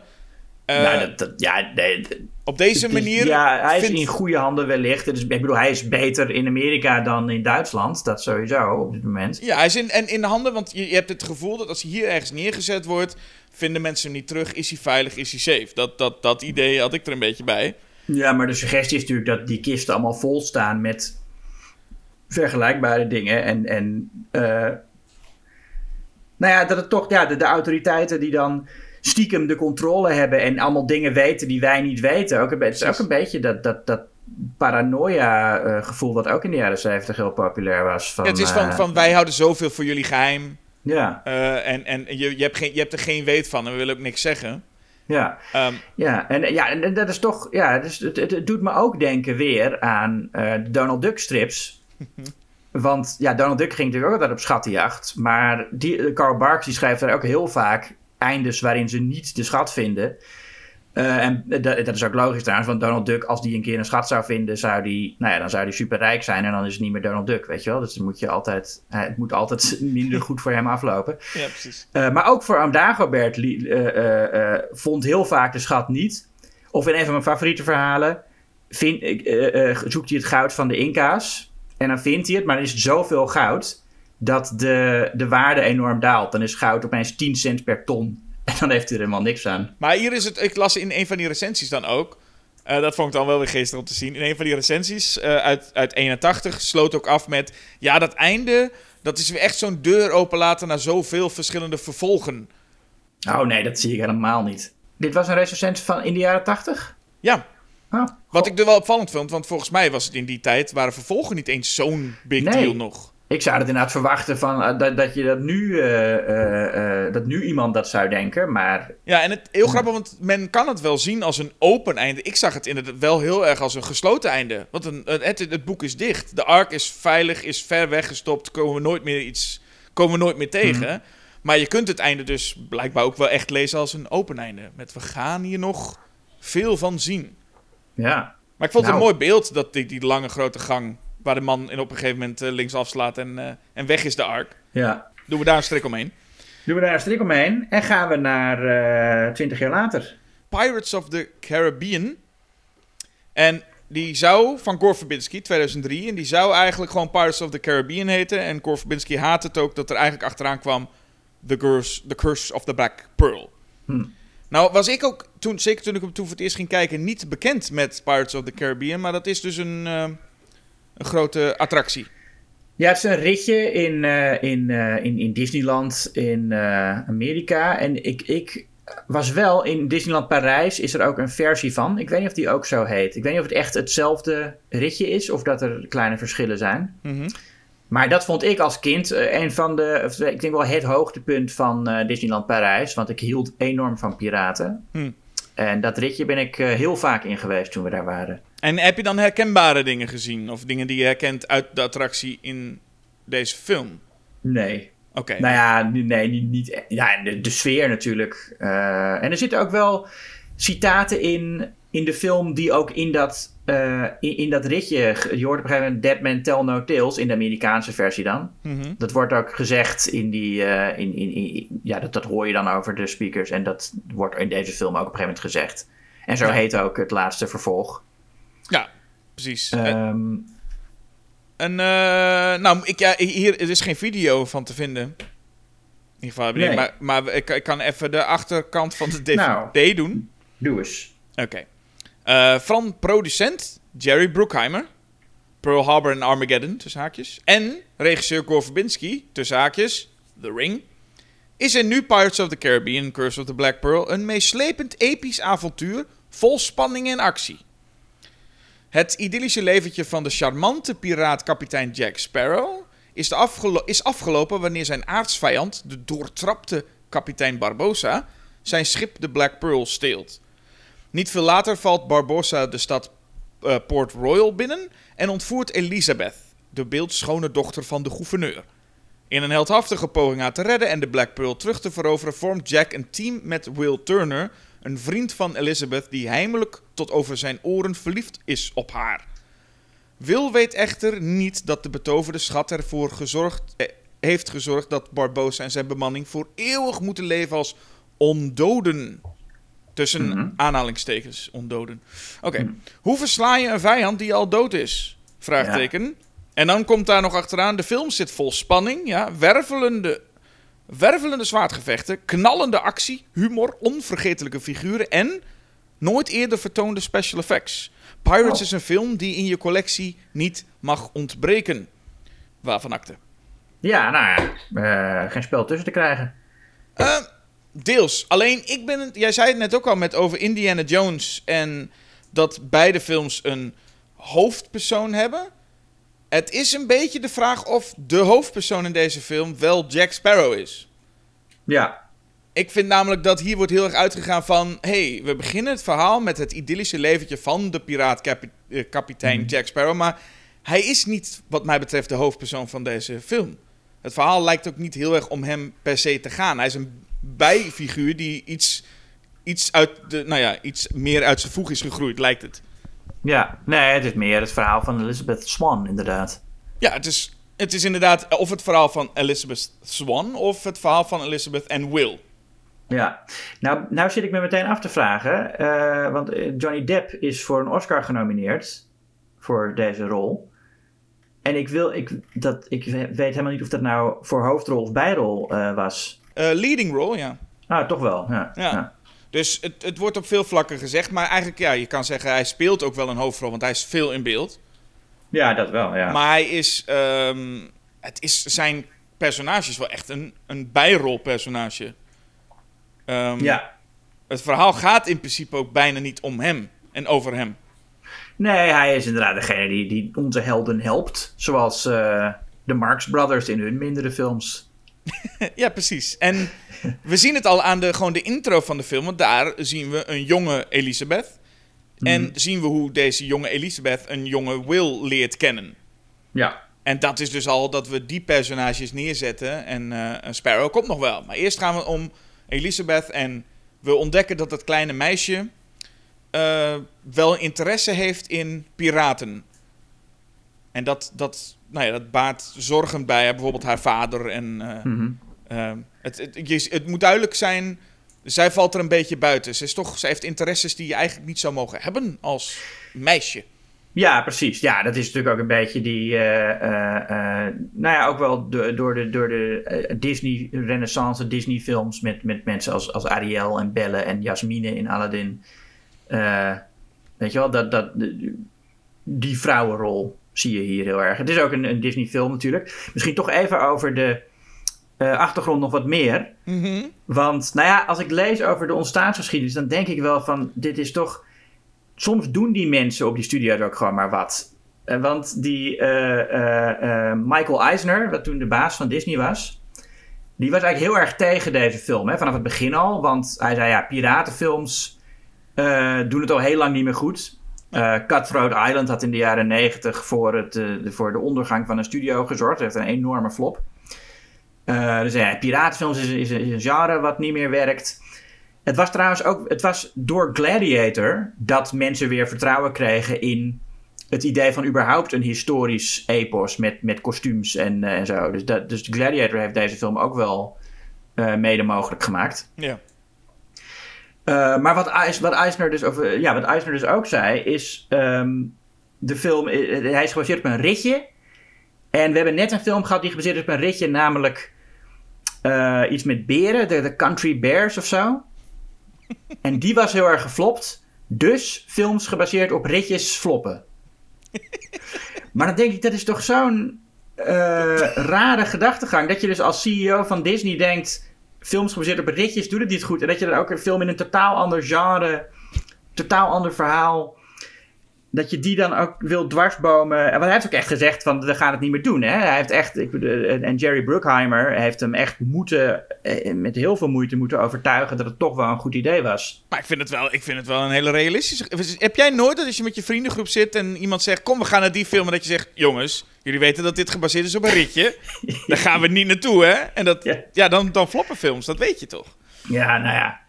Maar dat is, ja, ik, de Brad Bird heeft een keer gezegd over die CEO's: van als een keer een film een hit wordt met iemand in een blauw t-shirt in de hoofdrol, dan willen ze allemaal films met mensen met blauwe t-shirts in de hoofdrol. Ja, maar dat is, dat En, is ook eh, zeker zo. Ja. Ja. Dat is de, de- in dit geval. En er was ook nog dat, eh, kijk, dat personage Jack Sparrow was geschreven als een soort Errol Flynn rol van, weet je, die, die Robin Hood speelde in de jaren 30. Eh, echt gewoon een ouderwetse, ehm, ja, herkenbare ouderwetse avonturier die gewoon heldhaftig was en, en, en echt die rol. En dat, dat Johnny Depp dat speelde als een soort dronken eh, dwaas. Daar was Eisner in eerste instantie ook woedend over. Hij wilde echt niet dat hij dat zo ging doen met die, met die gekke maniertjes en zo. Nee, maar dat is het hele ding. En dat, dat, ik snap ook nooit. Dan moet je als CEO toch steeds weer op je plek gezet worden met... Nee, Ja. dit gaat niet verkopen. En dan verkoopt het en dan zeg je... Ja, dit verkoopt. En dan moet je datgene waar je ooit tegen was... juist weer in al je andere films gaan drukken, bewust. Want Ja, hij heeft Ja. ooit moeten zeggen... Nee, ik wil niet zo Jack Sparrow. En daarna heeft hij non-stop moeten zeggen... Mag er niet meer Jack Sparrow in? En dan maakt het niet uit welke Ja. film die maakte. Is gewoon... hey, je maakt een film over een coming-of-age drama. Kan er ook een Jack Sparrow in? Want hè, dat Ja. werkt. En als, het, als je het nog op een, op een, eh, een ritje kan passeren, is het nog beter. ja. Ja, klopt. Nou ja, goed, dat, dat Eisner uiteindelijk eh, met een, na een hele reeks flops eh, eruit is gewerkt bij Disney, is, zegt ook wel iets over zijn instinct. Ja, maar dat, je Cutthroat Island is natuurlijk het goed, goed voorbeeld van... Inderdaad, het genre was wel een beetje dood. Mm, Ehm, maar als je, het- je hebt het dan over Gladiator... maar ik denk dat een van de films die ik het meest zou koppelen aan deze is The Mummy. nou ja, ook ja. En qua toon is dit ook wel, eh, ligt het heel erg in de lijn van The Mummy. En die had zich in ieder geval bewezen. En ongetwijfeld heeft die film ook weer, had een andere film weer beïnvloed. Dus het, het komt vast wel ergens vandaan. Maar de film komt redelijk uit het niets. In ieder geval voor mij sowieso, omdat ik de, het, de, de hele, het ritje ook niet kende. Dus er was gewoon in 2003 ineens een piratenfilm. Ja, nee, dat, is, eh, dat vergeet die, die Eisner dan ook even voor het gemaakt. Dat voor de meeste mensen weten überhaupt niet dat het op een ritje gebaseerd is. Zeker mensen die niet in de Verenigde Staten wonen. Nee, en je hebt natuurlijk dat je denkt, oké, een piratenfilm. Want ik denk dat dit volgens mij, dit, dit was sowieso naar de tijd waarin je ook niet naar de bioscoop holde voor Johnny Depp. Nee, Dus je, nee maar dat is, dat is eigenlijk nooit eh, zo. Hij had, hij had geen enkele blockbuster op zijn naam staan.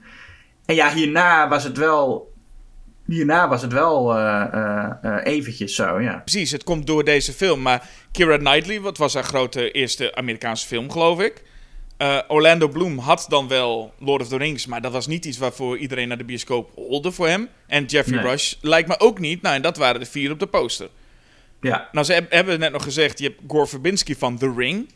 Nou, Mhm. ongetwijfeld een groot succes. Dus, maar ik denk ook dat... Dus al die namen zeiden niet eens zoveel. Misschien dat inderdaad producent Jerry Bruckheimer... waar de plotomschrijving op de achterkant van de DVD mee begint... nog de grootste Mhm. naam was. ja terwijl die eh, eh, daarvoor nog ook een enorme flop had met Pearl Harbor. Oh ja, ja maar, nou, was het een flop? Of was het een... Nou, het was geen succes in elk geval. Volgens mij heeft die film het niet goed gedaan. Oh, ik dacht dat het wel een succesvolle film was. Maar gewoon dat critici echt niet, niet, nee, niet blij waren. Dat moet ik nog even opzoeken dan. Maar toen was het, was het wel een gevoel van... Oké, ik zie piraten, maar ik zie ook een hele hoop actie en, en, en, en sk- skeletten en wat dan ook. En dat trok volgens mij de mensen vooral naar de bioscoop. Met, hey, dit is interessant wat ik hier nu zie. Ja, en, nou, maar dat is ook gewoon heel veel. eh, dat het gewoon een geslaagde film was, is natuurlijk eh, eh, waar mensen. de- de- en, en, en de word of mouth die op gang. De mond-op-mond reclame, moet ik zeggen, die op, die op gang kwam. Ja. Ehm, dat het echt leuk was. En wat ook, ik denk ook omdat het gewoon echt een heel oprechte avonturenfilm is. Er zit humor in. Maar het is niet ehm, wat ook de, de Haunted Mansion van toen had. Want toen had je ook een Haunted Mansion film met Eddie Murphy. Dat hij de hele tijd, nou ja, dat is natuurlijk eh, ja, echt een Eddie Murphy comedy. En dan zitten er spoken en dan zegt Eddie Murphy, oh nee, dit is niet oké. En nou, het, is, het is allemaal met, ik bedoel dat er zo'n zo'n knipoog in zit. Ja.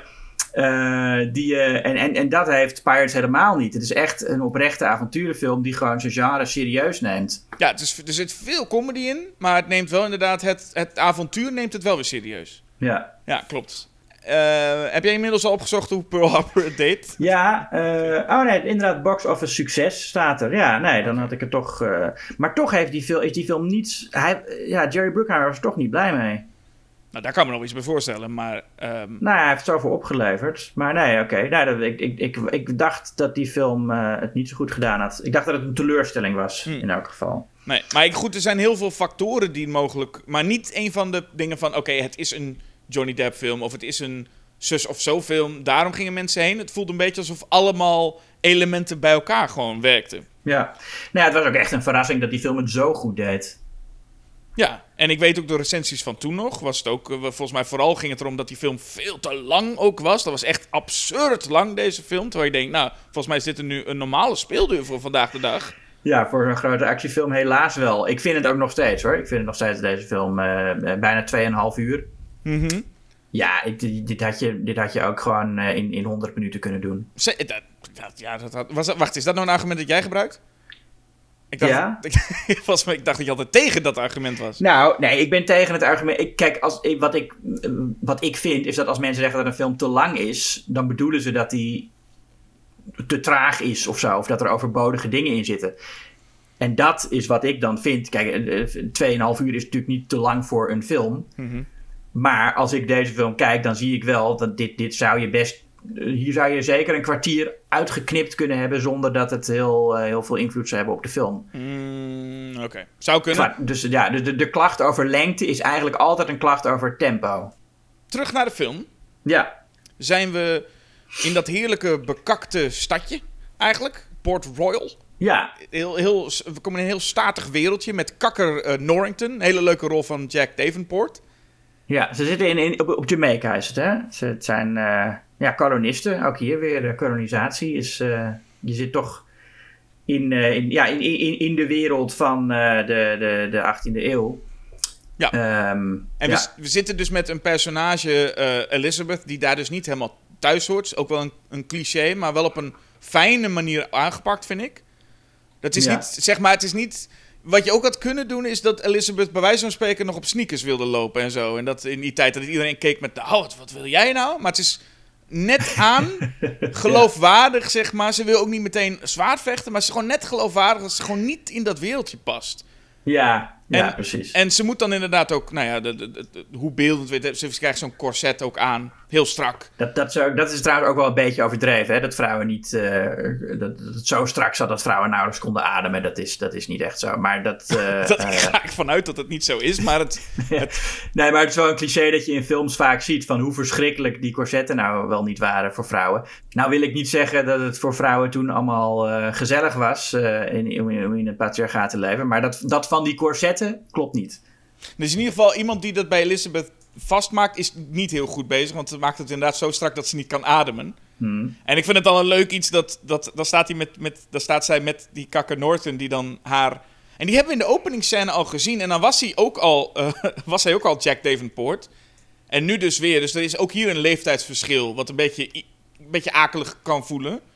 Want hij was al Ja. gewoon een volwassen vent. En dan een klein meisje op, op het schip. En nu moet hij eigenlijk dat kleine meisje ten huwelijk vragen. Of eh, althans, eigenlijk wordt ze volgens mij ook een beetje van haar verwacht. Dat ze Ja. met hem gaat trouwen. Ja, zo ging dat toen. Ja. En dat is in dit geval natuurlijk ook niet eh, eh, een pro- probleem voor de film. Want het, het is niet de bedoeling dat wij heel erg voor die relatie zijn. Nee, nee, nee, precies. En ik vind het ook wel, ik vond het gewoon ook een heel leuk momentje dat zij daar dan staat. En dat hij dan zegt, begint dan over dat huwelijk. Heel voorzichtig toch? En dat zij dan zegt, ik kan niet ademen. Dat hij dan zegt, nee, eh, ik vind het ook heel spannend. Ja. En dan dondert zij dus eh, nou ja, van, de, eh, van de rand af. En we hebben daarvoor ook al Will Turner, Orlando Bloom, gezien. Mhm. En ook, hoe heet hij, de vader dus, de, de, de gouverneur, Jonathan Price. ja. En we hebben dus allemaal lekker nou, bekakte mensen bij elkaar, toch? Allemaal, allemaal heel netjes Engels sprekend. in majo's. En, eh, en, en ook Orlando Bloom is ook zo'n zo'n acteur die dan dat statige prima kan. Omdat hij dat ook vooral is. En dan denk je aan Lord of the Rings. En dan denkt hij, oh, daar was hij nog misschien nog wel erger. Want daar was hij, had hij geen emotie. Mhm. Dus het is een, eh, in ieder geval niet een acteur waar heel veel...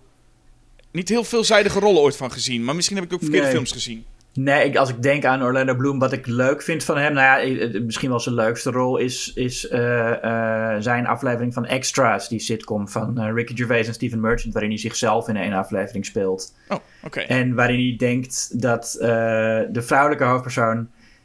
Hij, hij vindt het heel raar dat de, als vrouwen niet tot hem aangetrokken zijn. Dus hij zit de hele tijd tegen die vrouwelijke hoofdpersoon van... Ja, maar je vindt me toch wel lekker? En, en nou, dat, dat, dat, is, dat is leuk. Dan speelt hij een beetje met dat imago. Ja, precies. Nou ja, in ieder geval Laat ik, laat ik het zo zeggen. We hebben dan, want Johnny Depp moet nog verschijnen. Maar ik vind sowieso al dat deze film, vooral ook in de kleine bijrollen, hele fijne acteurs heeft met hele mooie karakteristieke koppen. Ja, We krijgen al, als Jack Sparrow verschijnt, dan krijgen we al eh, Guy Seiner. Ik weet niet, ik denk dat het zo is. De Hubert Gruber uit uh, Allo Allo. Als havenmeester. ja. Ehm, en je hebt dan meteen daarna wordt hij door eh, twee acteurs, Giles New en Angus Barnett, wordt hij eh, aangesproken. Dat zijn twee mannen waar voornamelijk die, die Angus Barnett heeft een geweldige komische kop. Dat Ja. zijn die bewakers die hem dan eh, aanspreken. Ehm, maar ook later de piraten zoals Lee Arenberg en Mackenzie Crook van, van Ja. The Office, die komen dan voorbij. Dus ik vind, Gareth Keenan. ze hebben hele leuke, hele leuke acteurs gecast voor de kleinste rollen zelfs. Ja, zeker. Goed, en dan komt daarbij, voegt zich dus eh, eh, Jack Sparrow, waarvan je meteen al wel kan zeggen. Dat zagen we allemaal in de bioscoop toen al. Je had geen idee wie dit was. Maar zijn introductie geeft wel al aan, hier komt een icoon binnenvaren. Ja, nee, dat vind ik wel een van de leukste grappen in de film. Dat je hem eerst, je ziet hem van de achterkant.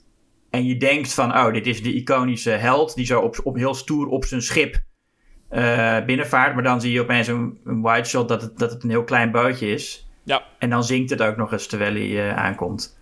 Ja, en dat maakt het zo fijn, want als hij, op het moment dat hij dan, dan echt, echt aankomt bij die pier, dan is die, die boot eigenlijk al bijna gezonken. Dan staat hij nog net op het laatste stukje mast. Ja. Maar hoe de manier waarop hij dan op die pier stapt, als zijnde, dit hoort er allemaal bij. Mhm. Het, het- dat is ehm, heel erg hoe zijn personage is. Het, is Ja. het gaat allemaal mis. Het is allemaal ongelooflijk knullig. Je ziet ook dat hij er wel mee struggelt. Maar als puntje dan bij paaltje komt, doet hij alsof het erbij hoort. Ja, dat hij zoekt, hij, heeft, hij weet uiteindelijk altijd toch de controle te hebben. En hij, en hij zorgt er altijd voor dat iedereen hem onderschat. Ja, Dat is, het, dat is zijn eh, grote kracht. Een soort ja, Columbo of, eh, of eh, Socrates om, eh, om, om, om naar de oorsprong te gaan van dat soort eh, figuren. Ehm, dat is, en in de latere films begrijpen ze dat volgens mij niet meer, want daar is hij gewoon echt dom. Terwijl hier doet hij zich vaak dom voor. En wat ik ook fijn vind daarin, want nu ook, dat is een beetje wat Indiana Jones had, wat zijn heldhaftigheid. Wat heb je nu met Jack Sparrow, dat het zo'n kindervriend nu is. Hè, want dat is. Ja. Het is Jack Sparrow de kindervriend, de leuke, knullige kindervriend. Maar ik vind het fijn dat hij hier ook nog een beetje viezig is. Als hij Is Elizabeth... het, is het Jack Sparrow de kindervriend? Is dat nu hoe die, die gezien wordt? Ja, toch wel, hè? Ja. Ik heb wel het gevoel dat hij Ja. nu samen met Bassie eh, op, de, op, op lunchboxen staat. en zo van, nou, je is- ziet hem ook heel vaak de straatartiesten die hem dan nadoen. ja. Dat En- was, ja. En ik, wat ik hier dus vind, is als hij Elizabeth ontvoert eigenlijk, van de schot houdt, dan wil hij gewoon vrij. En dan zie je ook hoe hij dan tegen haar praat. En dan voel je alsof hij ook inderdaad heel erg stinkt uit zijn bek. En dan heeft hij ook dat wat viezige snorretje die dan een beetje van die opmerking over maakt. En, en dat, ze die, dat zij die hoed bij hem op moet doen. En ik vind hem hier in ieder geval heel fijn dat hij ook nog gewoon een beetje een vieze piraat is. ja, en je weet ook niet of je hem, of je hem kan vertrouwen helemaal. Eh, want ja, het is een piraat en traditioneel zijn dat natuurlijk de slechterikken. Wat ik als kind zat ik daar wel mee hoor. Want ik was dus toen ik heel jong was al. had ik altijd piraten Lego. En ik vond piraten echt te gek. Maar ik zat er dus wel mee dat ze de schurken waren in de geschiedenis. Mhm. Maar ja, als je dan deze film kijkt. eh, dan wordt toch wel bevestigd dat het, dat het ja, dat oké, piraten waren niet aardig. Maar ja, niemand was aardig in die tijd. En hij heeft, het, hij heeft een brandmerk op zijn arm. Waar, van, van de P, hè, van de P van piraat. Dat heeft hij van de Oost-Indische Compagnie gekregen, wordt gezegd. Ja. Toch leuk dat er een Nederlands bedrijf eh, genoemd wordt. ja. Eh, dat, waren, dat, is, dat was de eerste multinational, de Oost-Indische Compagnie. Maar ja, dat waren natuurlijk ook schurken. En ik denk dat in die tijd de piraten eigenlijk minder grote schurken waren dan eh, de, de mensen die legaal aan de macht waren, zeg maar. ja. Dus wat dat betreft kun je, kun je eigenlijk zeggen, ja, de, eigenlijk waren de, zijn, zijn de piraten altijd al wel meer aan de goede kant geweest dan, dan de machthebbers. En dat wat, wat je hier ook ziet, dat is namelijk als dan eh, niet veel later de piraten ook echt allemaal, eh, de andere piraten allemaal komen eh, naar Port Royal, dan zie je ook dat, dat deze piraten ook allemaal nog wel fijne, lekkere viespeuken zijn. Ja. En dus we kunnen zeggen, oh, we moeten doen alsof het piratenleven allemaal heel leuk is, maar daar, waar- daar komen een hoop piraten op af waarvan je echt denkt. Oké, het is een Disney-film voor de hele familie, dus verkrachtingen zullen er wel niet zijn, maar het had gekund. Zo Nou, komen ze binnen. dat zegt Jack Sparrow. Dat zou, dat, dat, die, die regel zou er nu niet meer inzetten. Hè? Dat, dat Jack Sparrow heeft het zelf over rape and pillage. Mhm. Ja, precies. Wat, Ja, wat, wat wel als het gekke is. In combinatie is dat wel een soort staande uitdrukking. Hè? Van de vikingen deden dat rape en pillage.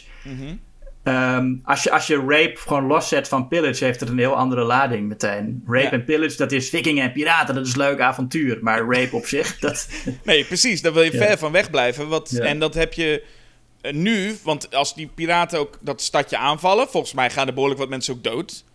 Ja. En ik heb wel het gevoel dat zelfs dat nu al iets. Want ik heb het, het kwam, het is best wel bruut ook die aanval van die Ja. piraten. Ja, maar ik denk, ik denk ook wat je nu, wat je misschien ook nu meer zou zien, is dat er meer nadruk op gelegd wordt dat die piraten wel een, een divers clubje zijn, wat in het echt ook was. Hè, dat daar eh, mensen van allerlei etniciteiten en, en dat, ze, en de- dat eh, wordt in die film nooit zo benoemd. Maar dat was natuurlijk ook in het echt zo, want piraten die, die haalden voor een schip overal mensen vandaan en die bevrijden ook wel eens slaven. Dus die hadden, dat was wel een, een diversere samenleving dan eh, gebruikelijk. Ja.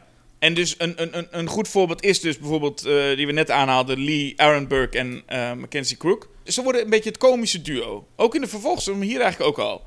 Terwijl als zij in deze film geïntroduceerd worden, zijn ze weliswaar komisch. Maar tegelijkertijd gaan ze met z'n tweeën vooral achter Elizabeth aan. En dan vooral hoe Lee Arenberg dan, hello puppet, zo. het heeft ook iets naast dat je denkt, er had een scène na kunnen zitten dat ze eerst aangerand of verkracht wordt voordat ze meegenomen wordt. Ja, nee, het zijn wel creeps. En het wordt hier ook nog wel echt, eh, moeten ze ook wel eng zijn. La dus later in de film worden ze meer als een soort grappig stel neergezet. En zijn er ook wel suggesties dat, van homoseksualiteit tussen die twee. Dat, want ze, hoe, ze ook met, hoe ze ook over elkaar praten. En dan zegt die een tegen, zegt tegen Mackenzie Crook van... Dan kun je eindelijk een glazen oog kopen. En in de vervolgfilms, dan komen er natuurlijk ook andere schurken. En nog grotere schurken. En dan Ja. zijn zij ineens part of the, the good guys. En Ja. er is waarschijnlijk niemand die na in The World's End nog denkt van... Oh ja, wat leuk. Deze mensen hebben waarschijnlijk heel veel mensen vermoord en verkracht. Onschuldige mensen omgebracht. Ja. Dat, dat, dat denk je niet meer aan. Nee. En nu willen we die associatie ook niet helemaal hebben. Want dan ga je denken, ja, dat zal Jack Sparrow ook wel gedaan hebben. Nou ja, zij waren onderdeel van zijn bemanning, komen we achter. Precies. Dus Al dan, die gasten zaten bij hem, ja. Ja, en dan denk je bij jezelf, dan zal Jack Sparrow het ook wel. Maar ja, daar moet je eens bij nadenken. Dat je deze film gaat kijken en denken wat Jack Sparrow mogelijk allemaal gedaan heeft. Nee, wij willen hem zien als een, als een. Nou ja. En ik vind het dus fijn dat je dat aan Jack Sparrow nog wel een beetje ziet hoor. Ik zie er nog een beetje in. Deze man heeft ook wel slechte dingen gedaan. Ja. Ja, en nogmaals, het wordt deels ook goed gemaakt doordat je weet van in, in deze tijd. De, de, de, de hele wereld was. was weet je, al, al, al die mensen die je, die je daar op dat eiland ziet, dat zijn allemaal eh, kolonisten die daar eh, de, de bevolking onderdrukken. Dus het is helemaal niet erg als die allemaal afgeschoten worden. Ja.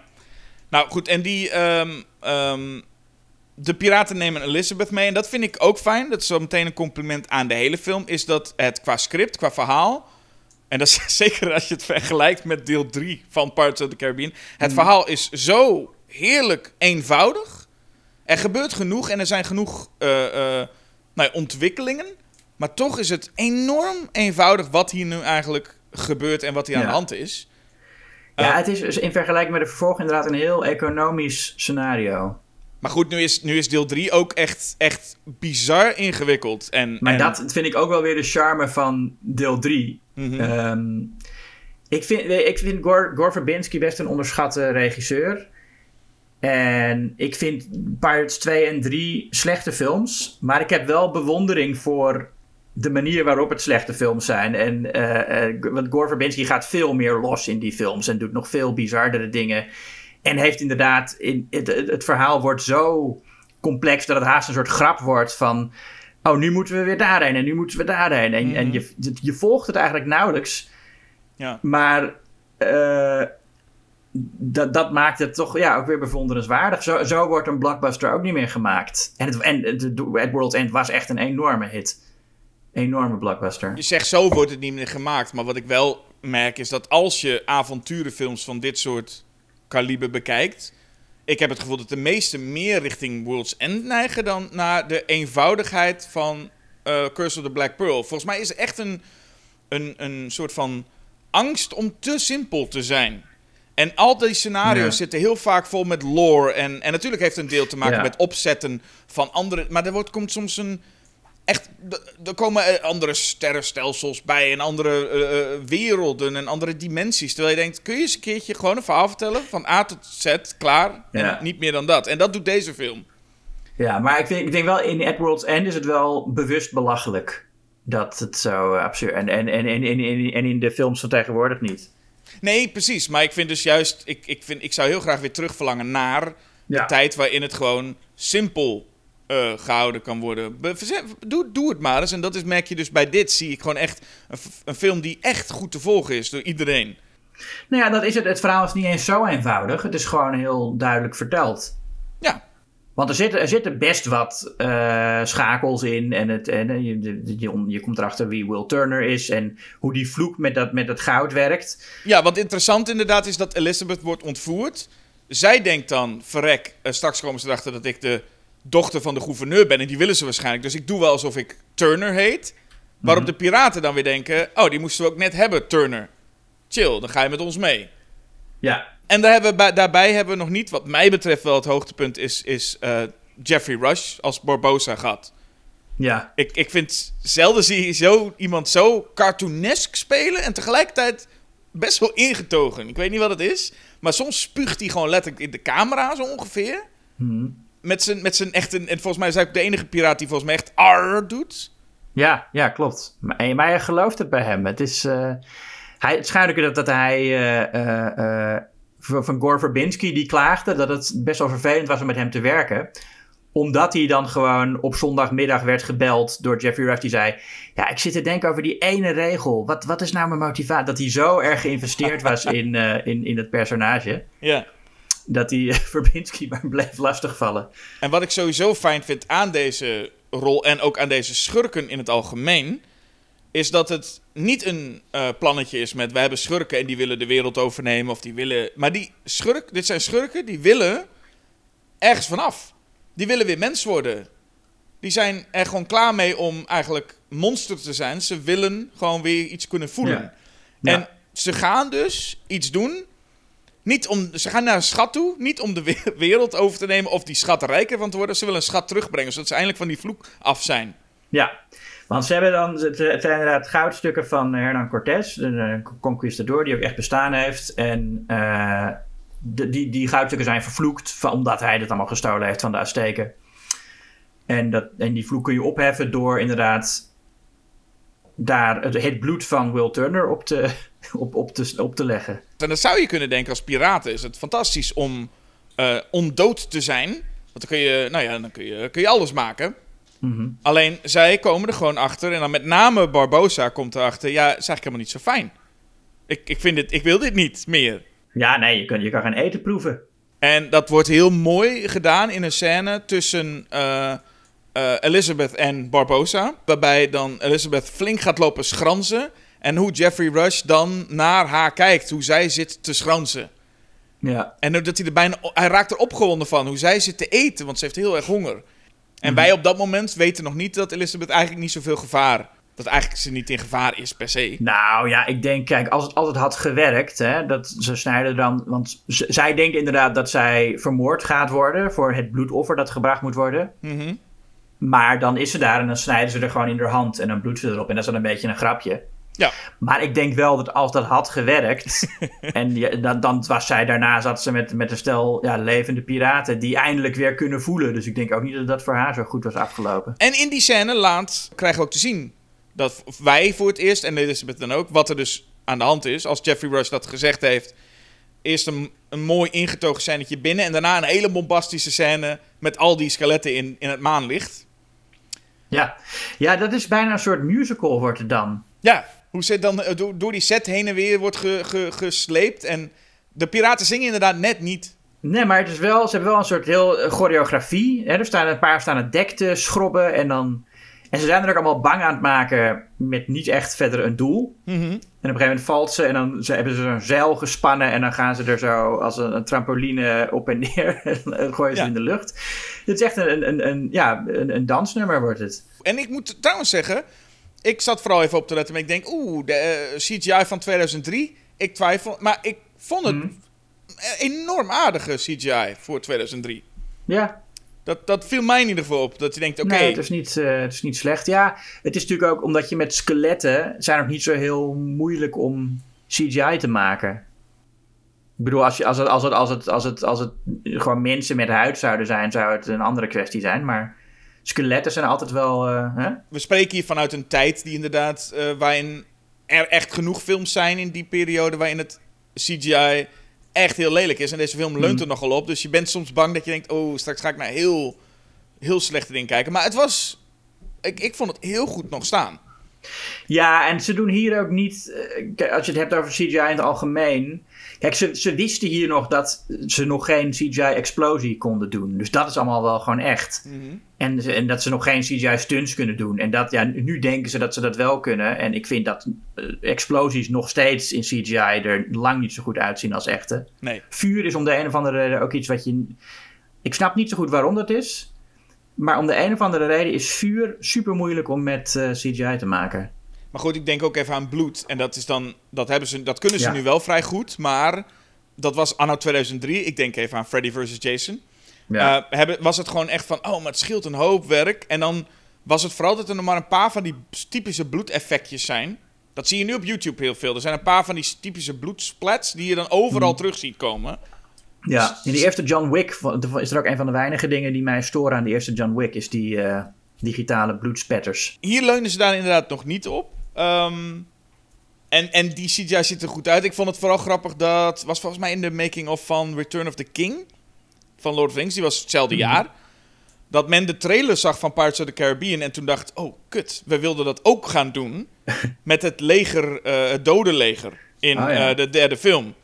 En toen was het ineens, ja shit, zij hebben, ze zijn ons voor geweest. Want ze hebben een, een, een leger van skeletten.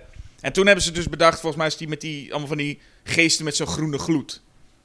En ik Oh, heb, ja. dus het, ik heb dus gehoord dat dat bedacht is, puur omdat ze dachten, ja shit, Pirates of the Caribbean is ons voor. En dan eh, zien wij er straks uit als de... De losers. De losers, de, inderdaad. De, de, de, volgelingen, ja. Ja. Wat ze wat mij betreft ook wel zijn, omdat het er een stuk minder tof uitziet die, eh, in eh, Lord of the Rings dan de, dit leger eigenlijk. Ja. Nou, dit is, dit is natuurlijk ook een beetje cartoon. Dit is cartoonesker dan ze het in Lord of the Rings hadden gedaan, denk ik. Waarschijnlijk wel, ja.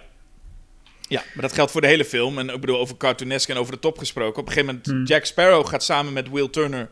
eh, die slaan de handen in één. En dan komen ze bijvoorbeeld op Tortuga. En dat vind ik ook zo'n leuke plek, want het is zo over de top. Iedereen zuipt daar. Ja. Allemaal vrouwen met van die gigantische boezems. Iedereen is ook mee in het wilde weg aan het schieten. En dan staat ze op een gegeven moment in een bar... waar iedereen, echt volgens mij ook iedereen met elkaar op de vuist is. Ja. Nou, dat Tortuga, dat is volgens mij ook wel iets wat, wat eh, gedaan is ook om de, om de sfeer van het ritje eh, op te roepen. Oh, dat, is, dat, dat zit daar ook in. Ja. Nou, die- ik weet niet of, of ze hem daar Tortuga noemen, maar daar zit, daar zit je wel met dat soort eh taferelen, zie je daar, ja. Ja, daar wordt een crew samengesteld. En eh Zoe Saldana is daar ineens. Ja? Dat je denkt, nou, de- deze dame zit ook echt in alle grote blockbusters, heb ik het idee. Ja. Is het, het- het Marvel, Star Trek, Avatar? Ja, inderdaad zeg. Goh, die, die, die, die, ja. God, nooit, nooit eh, gerealiseerd dat zij zo eh, prominent is. Volgens mij zit zij in de top drie films die het meest opgehaald hebben. Dan is dat het. Wil je, wil je een hit maken? Zo is Saldana erin. Ja, ze had niet zo'n hele fijne tijd op de set, zei ze al wel. En weet je waarom het eh, misgegaan is? Wat, wat ze... Het was een van haar, volgens mij, een vroege filmrol voor haar. En ze, het was gewoon heel groots. En volgens mij is dat een algemeen ding dat als je op zo'n grootse film zet, dan heeft, hebben weinig mensen, in ieder geval daar, weinig mensen oog voor eh, de bijrolacteurs. Dus je stond, ja. ze was heel erg op zichzelf aangewezen. En ik kan me zo voorstellen dat dat sfeertje niet heel fijn was. Ja. Je wordt nou eenmaal niet meteen behandeld als eh, Johnny Depp. En ik denk dat Zoe Saldana nu inmiddels wel echt op de juiste manier behandeld wordt. Ik hoop alleen dat alle eh, nog niet bekende Zoe Saldana's wel goed behandeld worden op filmsets. Want daar zit vaak het probleem. ja. Trouwens, ook een grote, of een niet grote naam. Maar wel een, een, een of is eh, de naam van Klaus Badelt. Badelt? Ik weet niet hoe je dat eh, uitspreekt. Ehm, bij de muziek. Want, oké, de muziek is inmiddels wel echt overused in... eh, volgens mij overal hoor je deze muziek. eh, i- ieder, ieder strijkkwartet dat iets populairs wil spelen, komt met eh, de Pirates thema. Ja, precies. En ik, ik- maar ik moet zeggen dat ik, ik... Ik bedoel, hij is overused. Ik ben bij, bij basisschool gymvoorstellingen geweest waar ook natuurlijk die muziek wordt gebruikt. En dan begin je op een gegeven moment te denken, oké, nu weet ik het wel. Ja. Maar het is wel echt enorm smakelijke muziek. Het is wel gewoon, Ja. eh, het, het doet ook wel, het werkt als een tiet. Dat is ook gewoon echt zo. Ja, het is echt opzwepend. En, je, en het is. En ja, wel, ik, ik vind het echt een van de beste avonturenfilm eh, thema's die ooit eh, geschreven zijn. Het, ik vind het vooral geestig hoe dat dan Klaus Badelt als componist is, terwijl de muziek eigenlijk van grotendeels van Hans Zimmer is. Ja. Trouwens wel, ik hoorde laatst ook het, eh, het eh, Gladiator thema, wat ook van hem is. Ja. En het valt echt op hoeveel die op elkaar lijken.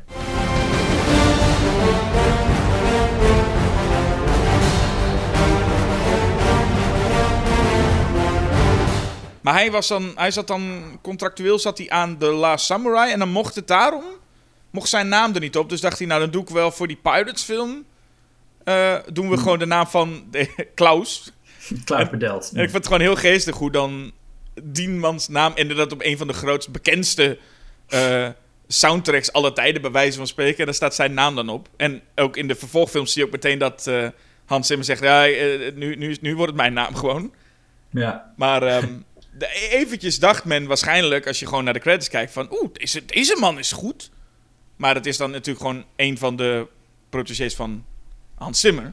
Mhm. Maar echt hele, hele fijne muziek ook. Ehm, niet alleen de, de, de theme, de He's a Pirate eh, eh, bekende theme, maar er zit er sowieso heel veel toffe muziek in. ja, ook het liedje trouwens, dat Yo Ho Ho Apart Love Me, dat komt ook uit het ritje. Oh ja, ja precies, Ja. precies. Ja, want een van mijn favoriete stukken muziek is ook meteen een van mijn favoriete scènes. Is eh, als Barbosa zegt tegen zijn crew: Men, take a walk. En dan gaan de piraten op de zeebodem. En dan lopen ze als leger op de Ja. zeebodem. En die muziek die er dan onder zit. En dan vervolgens lopen ze onder de. eh, komen ze langs de schaduw van een boot. Dat maanlicht die, die, die wordt dan geblokkeerd. En dan zijn ze even weer normaal mens. En dan lopen ze weer door. En ik weet niet, dat stuk is, Ja. is, is, is een fantastisch moment. Ja, het- het- en het leuke daaraan is ook. ehm, Jack Sparrow speelt eigenlijk die twee kampen tegen elkaar uit. Hè? Want hij is dan mee met, eh, met eh, de, de, de Engelsen. En hij heeft, hij heeft hun verteld van nou, de piraten zitten in deze grot en die komen straks naar buiten en dan kunnen jullie ze neerknallen. En dan gaat hij naar de piraten en dan zegt hij, hey, yo, die Engelsen staan daar buiten. Eh, je moet even wachten met die vloek opheffen. Nu, nu ben je nog ondood. Nu kun je nog eh, zonder, zonder schade die gasten verslaan. En dan gaan dus die twee teams tegen elkaar vechten. En, en eigenlijk, eh, het zijn alle twee teams van baddies. Hè? De- wij, wij zijn als kijker niet aan de kant van een van die twee teams.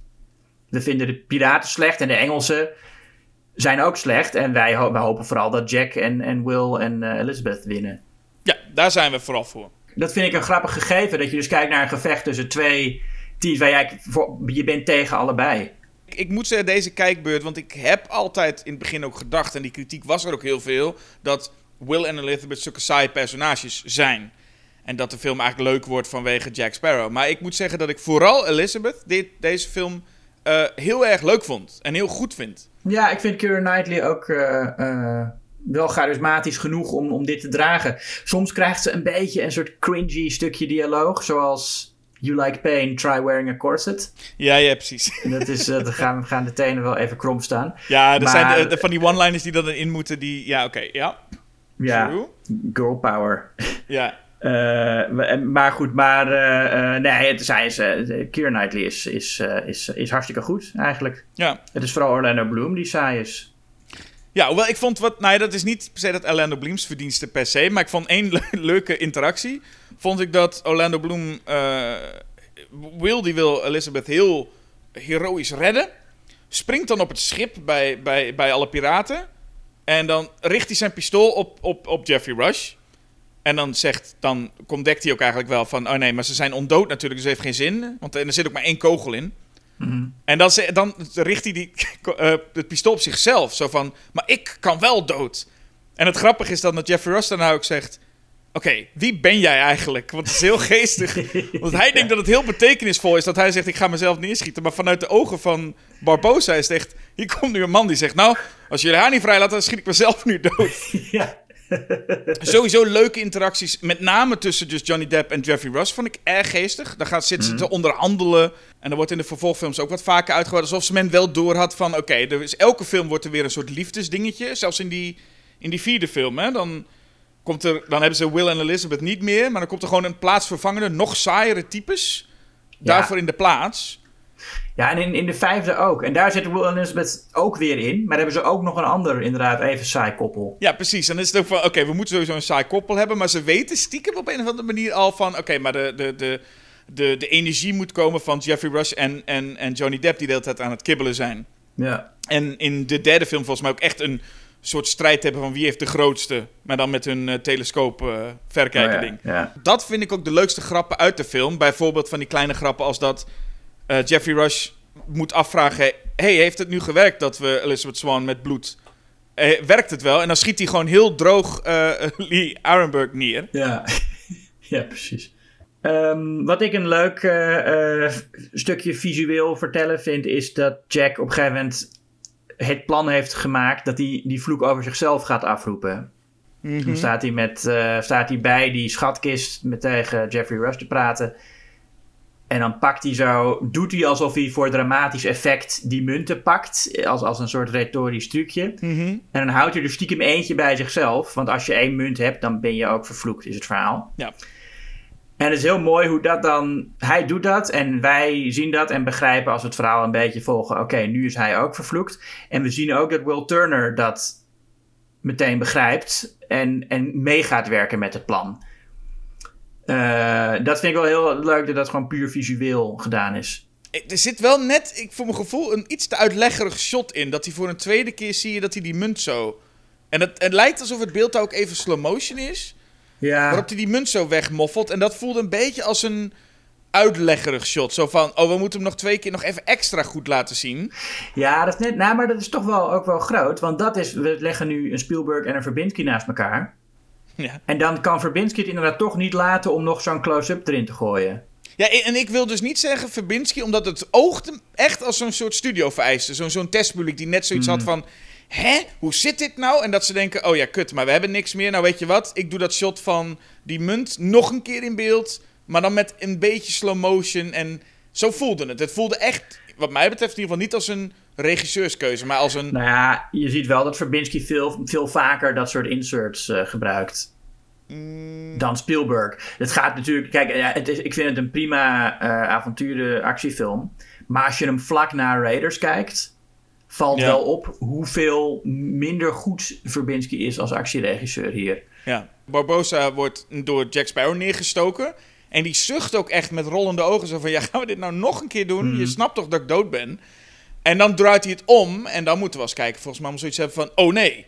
Ja, maar dat heb ik dus niet, omdat ik weet dat, dat Jack ook niet dood kan op dit moment. Nee, precies. Maar het punt is, volgens mij is dat wel de bedoeling. Dat iedereen denkt, oh nee, en nu? En juist dat je het aan ziet komen maakt het voor mij leuk. En dat hij dan inderdaad in het maanlicht stapt en dat je hem helemaal als skelet ziet. Ja. Wat wel jammer is, is dat daardoor dat hele zwaardgevecht eigenlijk nauwelijks gewicht heeft. Want je weet toch dat allebei niet dood kunnen. Dus Ergens Ja. is dat wel waar. Je hebt het, het- dat wordt ook steeds gezegd, toch? Dat zegt Barbosa ook zelf. Van, wat gaan we nu doen, Jack? Gaan we nou de hele tijd als ondoden tegen elkaar vechten? Heeft echt geen Ja. zin. Maar het punt is wel dat natuurlijk het gevecht een klok is. Ze zijn tijd aan het rekken, want het echte gevaar zit hem in hoe gaat dit aflopen met Will en Elizabeth en hun plan. Het is een plan. Jack Sparrow is ook alleen maar tijd aan het ja, winnen voor hen. Dus het Ja. is een beetje een... Maar ik snap wel... En en ik vind het juist een mooi iets, want die stralend maanlicht... en dan zo'n mooie eh, choreografie waarbij ze door die grot heen lopen... en iedere keer als ze bij dat maanlicht zijn, zijn ze skelet.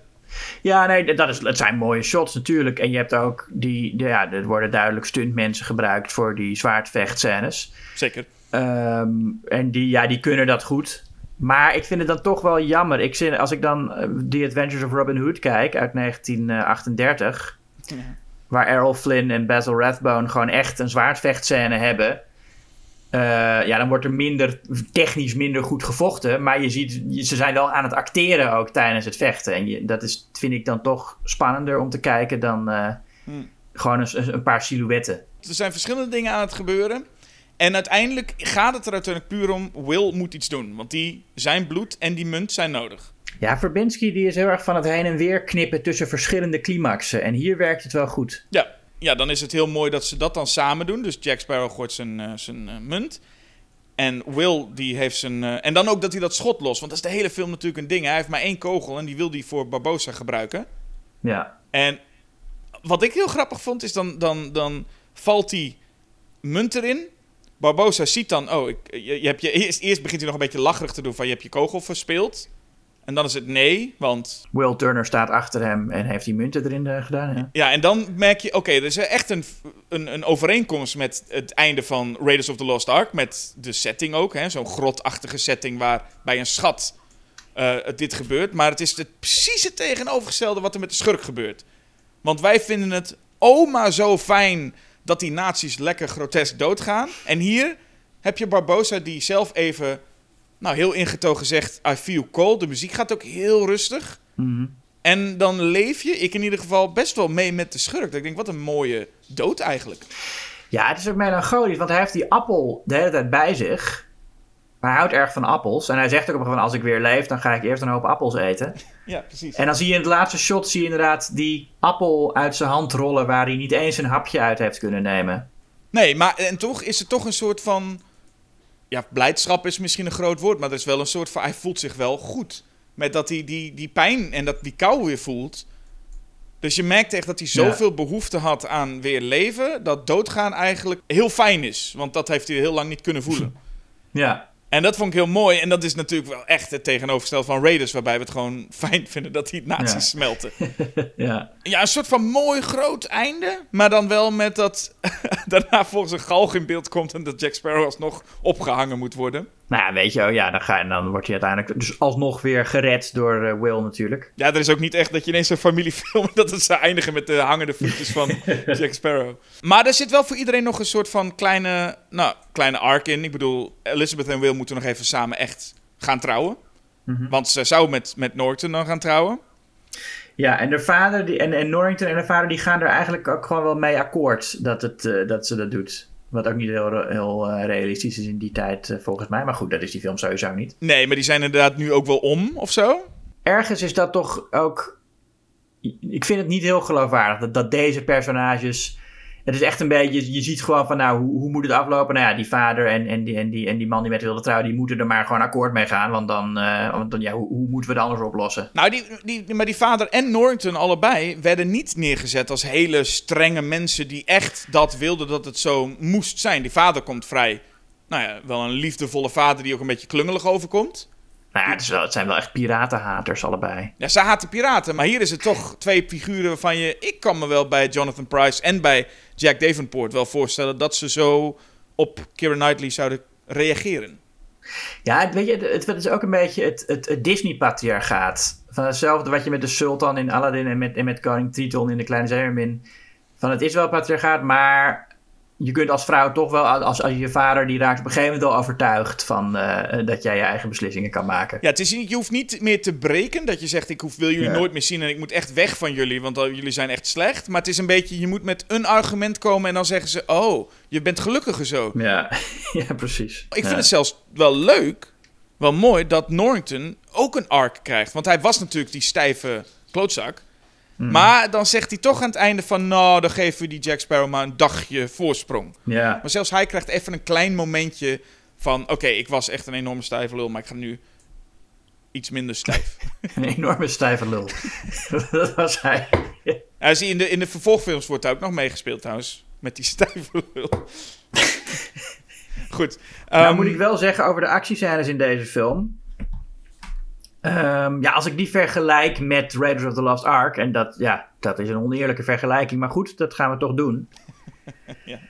Nou ja, dan valt het mij dus wel op dat, dat eh Verbinski lang niet zo goed overzicht geeft van de ruimte. En veel meer werkt met ehm, eh, dingen in, in, in, in medium en close schieten. Eh, neem bijvoorbeeld die scène waar, waar de, de, de, de ontmoeting tussen Jack Sparrow en Will Turner, dat zwaardgevecht in de, in de, in de smidse, heet dat, de smidse van, eh, van, van Will. Waar ze dan aan het zwaardvechten zijn. En dan komen er allemaal leuke dingetjes bij. Van er komt een ezel die rondloopt. En er is een soort kar waar ze op kunnen staan. Die als katapult fungeert. En dan op een gegeven moment komt er een zak met zwaar spul, waarvan je ook niet weet wat het is, maar die, die valt dan omlaag, waardoor Jack de lucht in gelanceerd wordt als een katapult. Maar Verbinski laat eigenlijk telkens uh, in een soort medium close shots die objecten zien. De, de, het moment dat die zak met zware spullen geïntroduceerd wordt, is hij al aan het vallen op, de, op, op, op die kar. En dan pas zie je dat het als katapult kan werken. En zo gaat het heel vaak dat hij eigenlijk een element pas introduceert als het relevant wordt. Terwijl Spielberg uh, zorgt dat je gewoon aan het begin van de scène al een overzicht hebt en weet waar alles is en wat alles kan doen. Dus hij, al die elementen die een rol gaan spelen in die actiescène, die ken je al, die zijn al in beeld, waardoor het veel makkelijker te volgen wordt. En bij Verbinski heb je heel vaak dat iets gewoon uit het niks gebeurt. Er zit ook in die scène dat, dat, de piraten uh, Elizabeth huis binnenvallen. Valt er uit het niets opeens een kroonluchter uit de lucht. denk je van waar, waar komt die opeens vandaan? Ik vind het het enige moment waarvan ik in een actiescène echt denk van nou dat is wel leuk gedaan is dat die, die kruik die Elizabeth heeft in haar bed, die wordt geïntroduceerd voor de actiescène dan zie je dat eh, haar, haar, haar werkster, die, heeft dan, die is die kruik aan het vullen met hete kolen. En de eerste keer dat je het ziet, denk je, waarom, waarom focust Verbinski nou zo op die hete kolen in die kruik? Maar dan komt die actiescène en dan heeft, houdt Elizabeth die kruik omhoog en doet ze hem open en vallen al die hete kolen op zo'n piraat. Ja. Wat trouwens met terugwerkende kracht raar is, dat, die, dat Mackenzie Crook is het dat hij dan zegt, oh, oh, wat is het heet? Want dat zou hij dan niet moeten kunnen voelen, toch? Dat zou hij niet mogen voelen, nee, dat klopt. Ja, dat is, nou, dat is toch... Maar goed, in, in, die scène werkt dat wel, want daar weet je nog niet uh, hoe het zit. Dat was een, dat was een uh, cinemazin. Ja, dat was een cinemazin. Ja. Maar ja... Um, maar goed, dat, dat soort dingen, dat je dus eerst een element introduceert en dat, je, en, en, en, en dat het daarna een rol gaat spelen.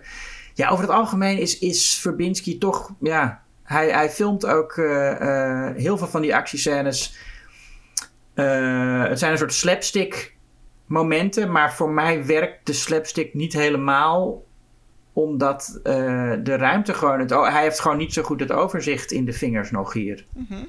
Nee, oké, oké. En is dit ook het argument waar je het bij wil laten als je puur praat over waarom moet Pirates of the Caribbean weg en Indiana Jones, Raiders of, of Raiders of the Lost Ark, pardon, blijven? Ja, nou, dat, kijk, ik vind ten eerste... Ja, ik vind die actiescènes wel echt een belangrijk ding. Uh, Raiders heeft zoveel betere actiescènes dan deze film. Um, en daarnaast, het is ook een, een, een veel vlottere film. Ik vind het tempo van Pirates, het is soms best wel log en lomp. En er zit niet echt een scène in die je eruit zou kunnen halen. Maar er zitten wel veel scènes in die korter zouden kunnen. Zeker de, de zwaardgevechten richting het einde. Um, dus ja, ook, ook daar, qua verhaal en qua visuele stijl, vind ik Raiders duidelijk de betere film. Het is ook de film die de betere vervolgen heeft opgeleverd. ik, ik, ik, ik, neem aan dat je dat ook wel uh, erkent, of niet? Ja, oh, die Dial of Destiny zit wel heel erg in mijn hoofd. Dus ik, ik, maar nee, eens. De... Klopt, ja. Ja, dus nee, ja, voor mij is het duidelijk Raiders of the Lost Ark. Oké, okay, ja. Goed, ik kan dat argument ook tegen je gebruiken. Jij zegt, jij zegt het, het idee is nu welke film zou weg moeten. Als je uh, Raiders of the Lost Ark uh, weghaalt, heb je nog steeds Temple of Doom over. Ja, ik wist, ik wist, ik wist dat je dit ging zeggen. ja, nee, ik, ik, ik nou, gaf hem ook aan als het, de logische. Ik ja, moest ja. hem even inkoppen. Uh, maar bij Pirates is er voor mij een klein stukje persoonlijk ook bij. Ik, ik was in de bioscoop echt weggeblazen toen ik hem zag. Twintig jaar geleden. Maar wat ik misschien het belangrijkste argument zelf vind waarom ik Pirates toffer vind dan Raiders, zou ik zeggen, de actiescènes, mm, oké, okay, sure, snap ik. Maar de personages, daarvan vind ik dat Pirates meer wint. Indiana hmm. Jones is een leuke held. Ik, Marion vind ik fantastisch. Um, en Toad is, is leuk, maar ik vind dat als je kijkt naar alle figuren, en we hebben samen, zijn ze allemaal langs geweest, in Pirates of the Caribbean. Je hebt, je hebt naast, natuurlijk Jack Sparrow en Barbosa. Maar ook Elizabeth Swan is, is, is een heel sterk personage. En dan al die kleine bijrollen. Maar er zit toch niemand in Raiders die zo saai is als Will Turner? Nou, ik, ik weet niet of er iemand inderdaad in zit die zo saai is als Will Turner. Maar ik vind ook dat een Sala... Ik snap niet waarom die nou zo'n indruk achterliet. Het is gewoon een man. nee, het is heel leuk. ik vind dat Jonathan uh, Rhys Davis hem heel leuk speelt. Maar ik vind, ik vind zeg maar, ik vind John Rhys Davies, sorry, als Sala vind ik nou niet een, uh, beter dan een van de bijrollen. Ik had liever een van die leuke bijrollen uit Pirates, een langere, grotere rol hebben gekregen dan Sala. Ik vind Sala een vrij saaie rol. Oké, vooruit. En Brody vind ik een leuk personage, maar die krijgt eigenlijk niet zo heel veel te doen in de eerste. Die krijgt volgens mij vooral zijn, zijn, zijn uh, spotlight in ja, deel 3. Nee, maar goed, maar dat, dat is ook niet zo'n Nee, ik, ik vind Brody ook heel leuk. Maar ik bedoel, Will Turner is, dat, dat moet iemand zijn die je de hele film bij je hebt en waar je echt in geïnvesteerd bent. Nou ja, ik vind, ik bedoel, Will Turner is een saai personage, maar ik heb Will Turner wel echt nodig. Daardoor vind ik de rest zo leuk. Ik vind Jack Sparrow goed werken vanwege Will Turner. Maar ik denk dat er betere acteurs te vinden zouden zijn voor die rol. Een John, een John Cusack, die was toen ook al een beetje te oud ervoor, maar mhm. dat zou een aardige geweest zijn. Ik vind dat de effecten van Pirates beter nog staan nu dan die, die spoken van, uh, die uit die ark kwamen. Ja, dat ene shot van, die, van het spook. Nou, oké, voor die geef ik je. Ja. Hey, ik ben ook aan het zoeken. Het is niet, als ik Raiders echt kutfilm vond, dan had ik, dat, uh, had ik het makkelijk gehad. Maar het is een goede film hoor. Ja, fantastische film. Maar ik heb Temple of Doom nog over en, en, en Black Pearl uh, hou ik ook. Ja, nou ja, mooi. Het is wel zo, uh, over personages gesproken. Kijk, Jack Sparrow is, is hier nog heel leuk. Maar je, ik kan hem nu ook moeilijk kijken zonder dat ik denk aan wat hij in deel 5 uh, geworden is. Dat hij daar is echt alleen maar een verzameling maniertjes. En ook, ja, net als Gollum in die tijd, was het een heel populaire imitatie die mensen dan gingen doen. Mm -hmm. En uh, ik was toen 16, toen die film uitkwam. En toen had je ook in mijn, in mijn vriendengroep mensen die... Er was één jongen, die kwam ook... Uh, die, die, die ging altijd Jack Sparrow nadoen. En dan kwam hij ook verkleed als Jack Sparrow naar feestjes. Ook naar feestjes die helemaal niet uh, verkleedfeestjes waren of zo. Kwam, okay, nee, maar goed. kwam hij gewoon met die make-up op en zo'n zo'n bandana om zijn hoofd. Nee, oké. Okay, we hadden een keer een, een toga-feest waar iedereen in, in toga moest komen. En dan kwam hij als, als Jack Sparrow aanzetten. Oké, okay, met die gedachte snap ik dat je het op een gegeven moment zat bent. Goed, hoe dan ook, we zijn er allebei over uit. Um, de, de luisteraar mag nu bepalen. Um, ja. Dus um, ja, Pirates of the Caribbean liefhebbers, uh, laat je horen. En uh, Indiana Jones liefhebbers, laat je horen. Wij zijn benieuwd. Ja, en dan was tot zover de 99ste aflevering van Julius versus Jasper. Het is weer, ja, en dan zoals altijd bij films waarover we dan klagen dat ze zo lang zijn, is het ook weer een uh, enorm lange aflevering geworden. Ja, maar dat moest hier inderdaad, ja. ja. Dat, uh, dat kon niet anders, want uh, ja, de, de volgende aflevering wordt nummer 100. Ik verwacht dat die ook niet in drie kwartier gaat duren, hoor. Nee, daar, daar kunnen we heel wat over zeggen. Wat gaan we doen voor de honderdste, Julius? Het bombardement. Het bombardement. Ja, een van de beruchtste flops uit de Nederlandse filmgeschiedenis. Jan Smit in de hoofdrol. Ja, uh, ja het, het, moest een soort Nederlandse versie van Titanic Pearl Harbor worden. En het werd dat niet. Dat is. Uh, maar goed, daar, en de, die film gaan we, gaan, we onder, gaan, gaan we doornemen gewoon. Ja, dus ik wil tegen iedereen, alle luisteraars zeggen: zoek die film op. Wat ja, want hij is wel echt de moeite waard. Dat moet ik wel zeggen. Er waren heel weinig mensen naartoe gegaan. Uh, maar het is wel echt een heel grappige film. In, ja. in, in, al zijn belachelijkheid en zijn falen. Oké, okay, dus tot zover uh, wat wij met Julius Vers Jasper zo gaan doen. Luisteraar moet ook nog even een paar kleine dingen doen. Ja, je moet een abonnement nemen op ons blad. Je moet onze website schokkendnieuws.nl bezoeken om daar uh, regelmatig recensies en andere artikelen te lezen. Je moet je abonneren op de podcast. Je moet hem luisteren waar je maar luistert. Je moet hem liken. Je moet sterren geven. Je moet reviews achterlaten. En je moet uh, verder gewoon zelf weten wat je doet. Ik ga niet je hele leven voor jou bepalen. Precies. Je mag een corset aan, maar het hoeft niet. Ja, zo is het. Oké. Okay. Nou, top. Dan zou ik zeggen, bedankt weer voor het luisteren. En tot de volgende keer. Tot de volgende keer.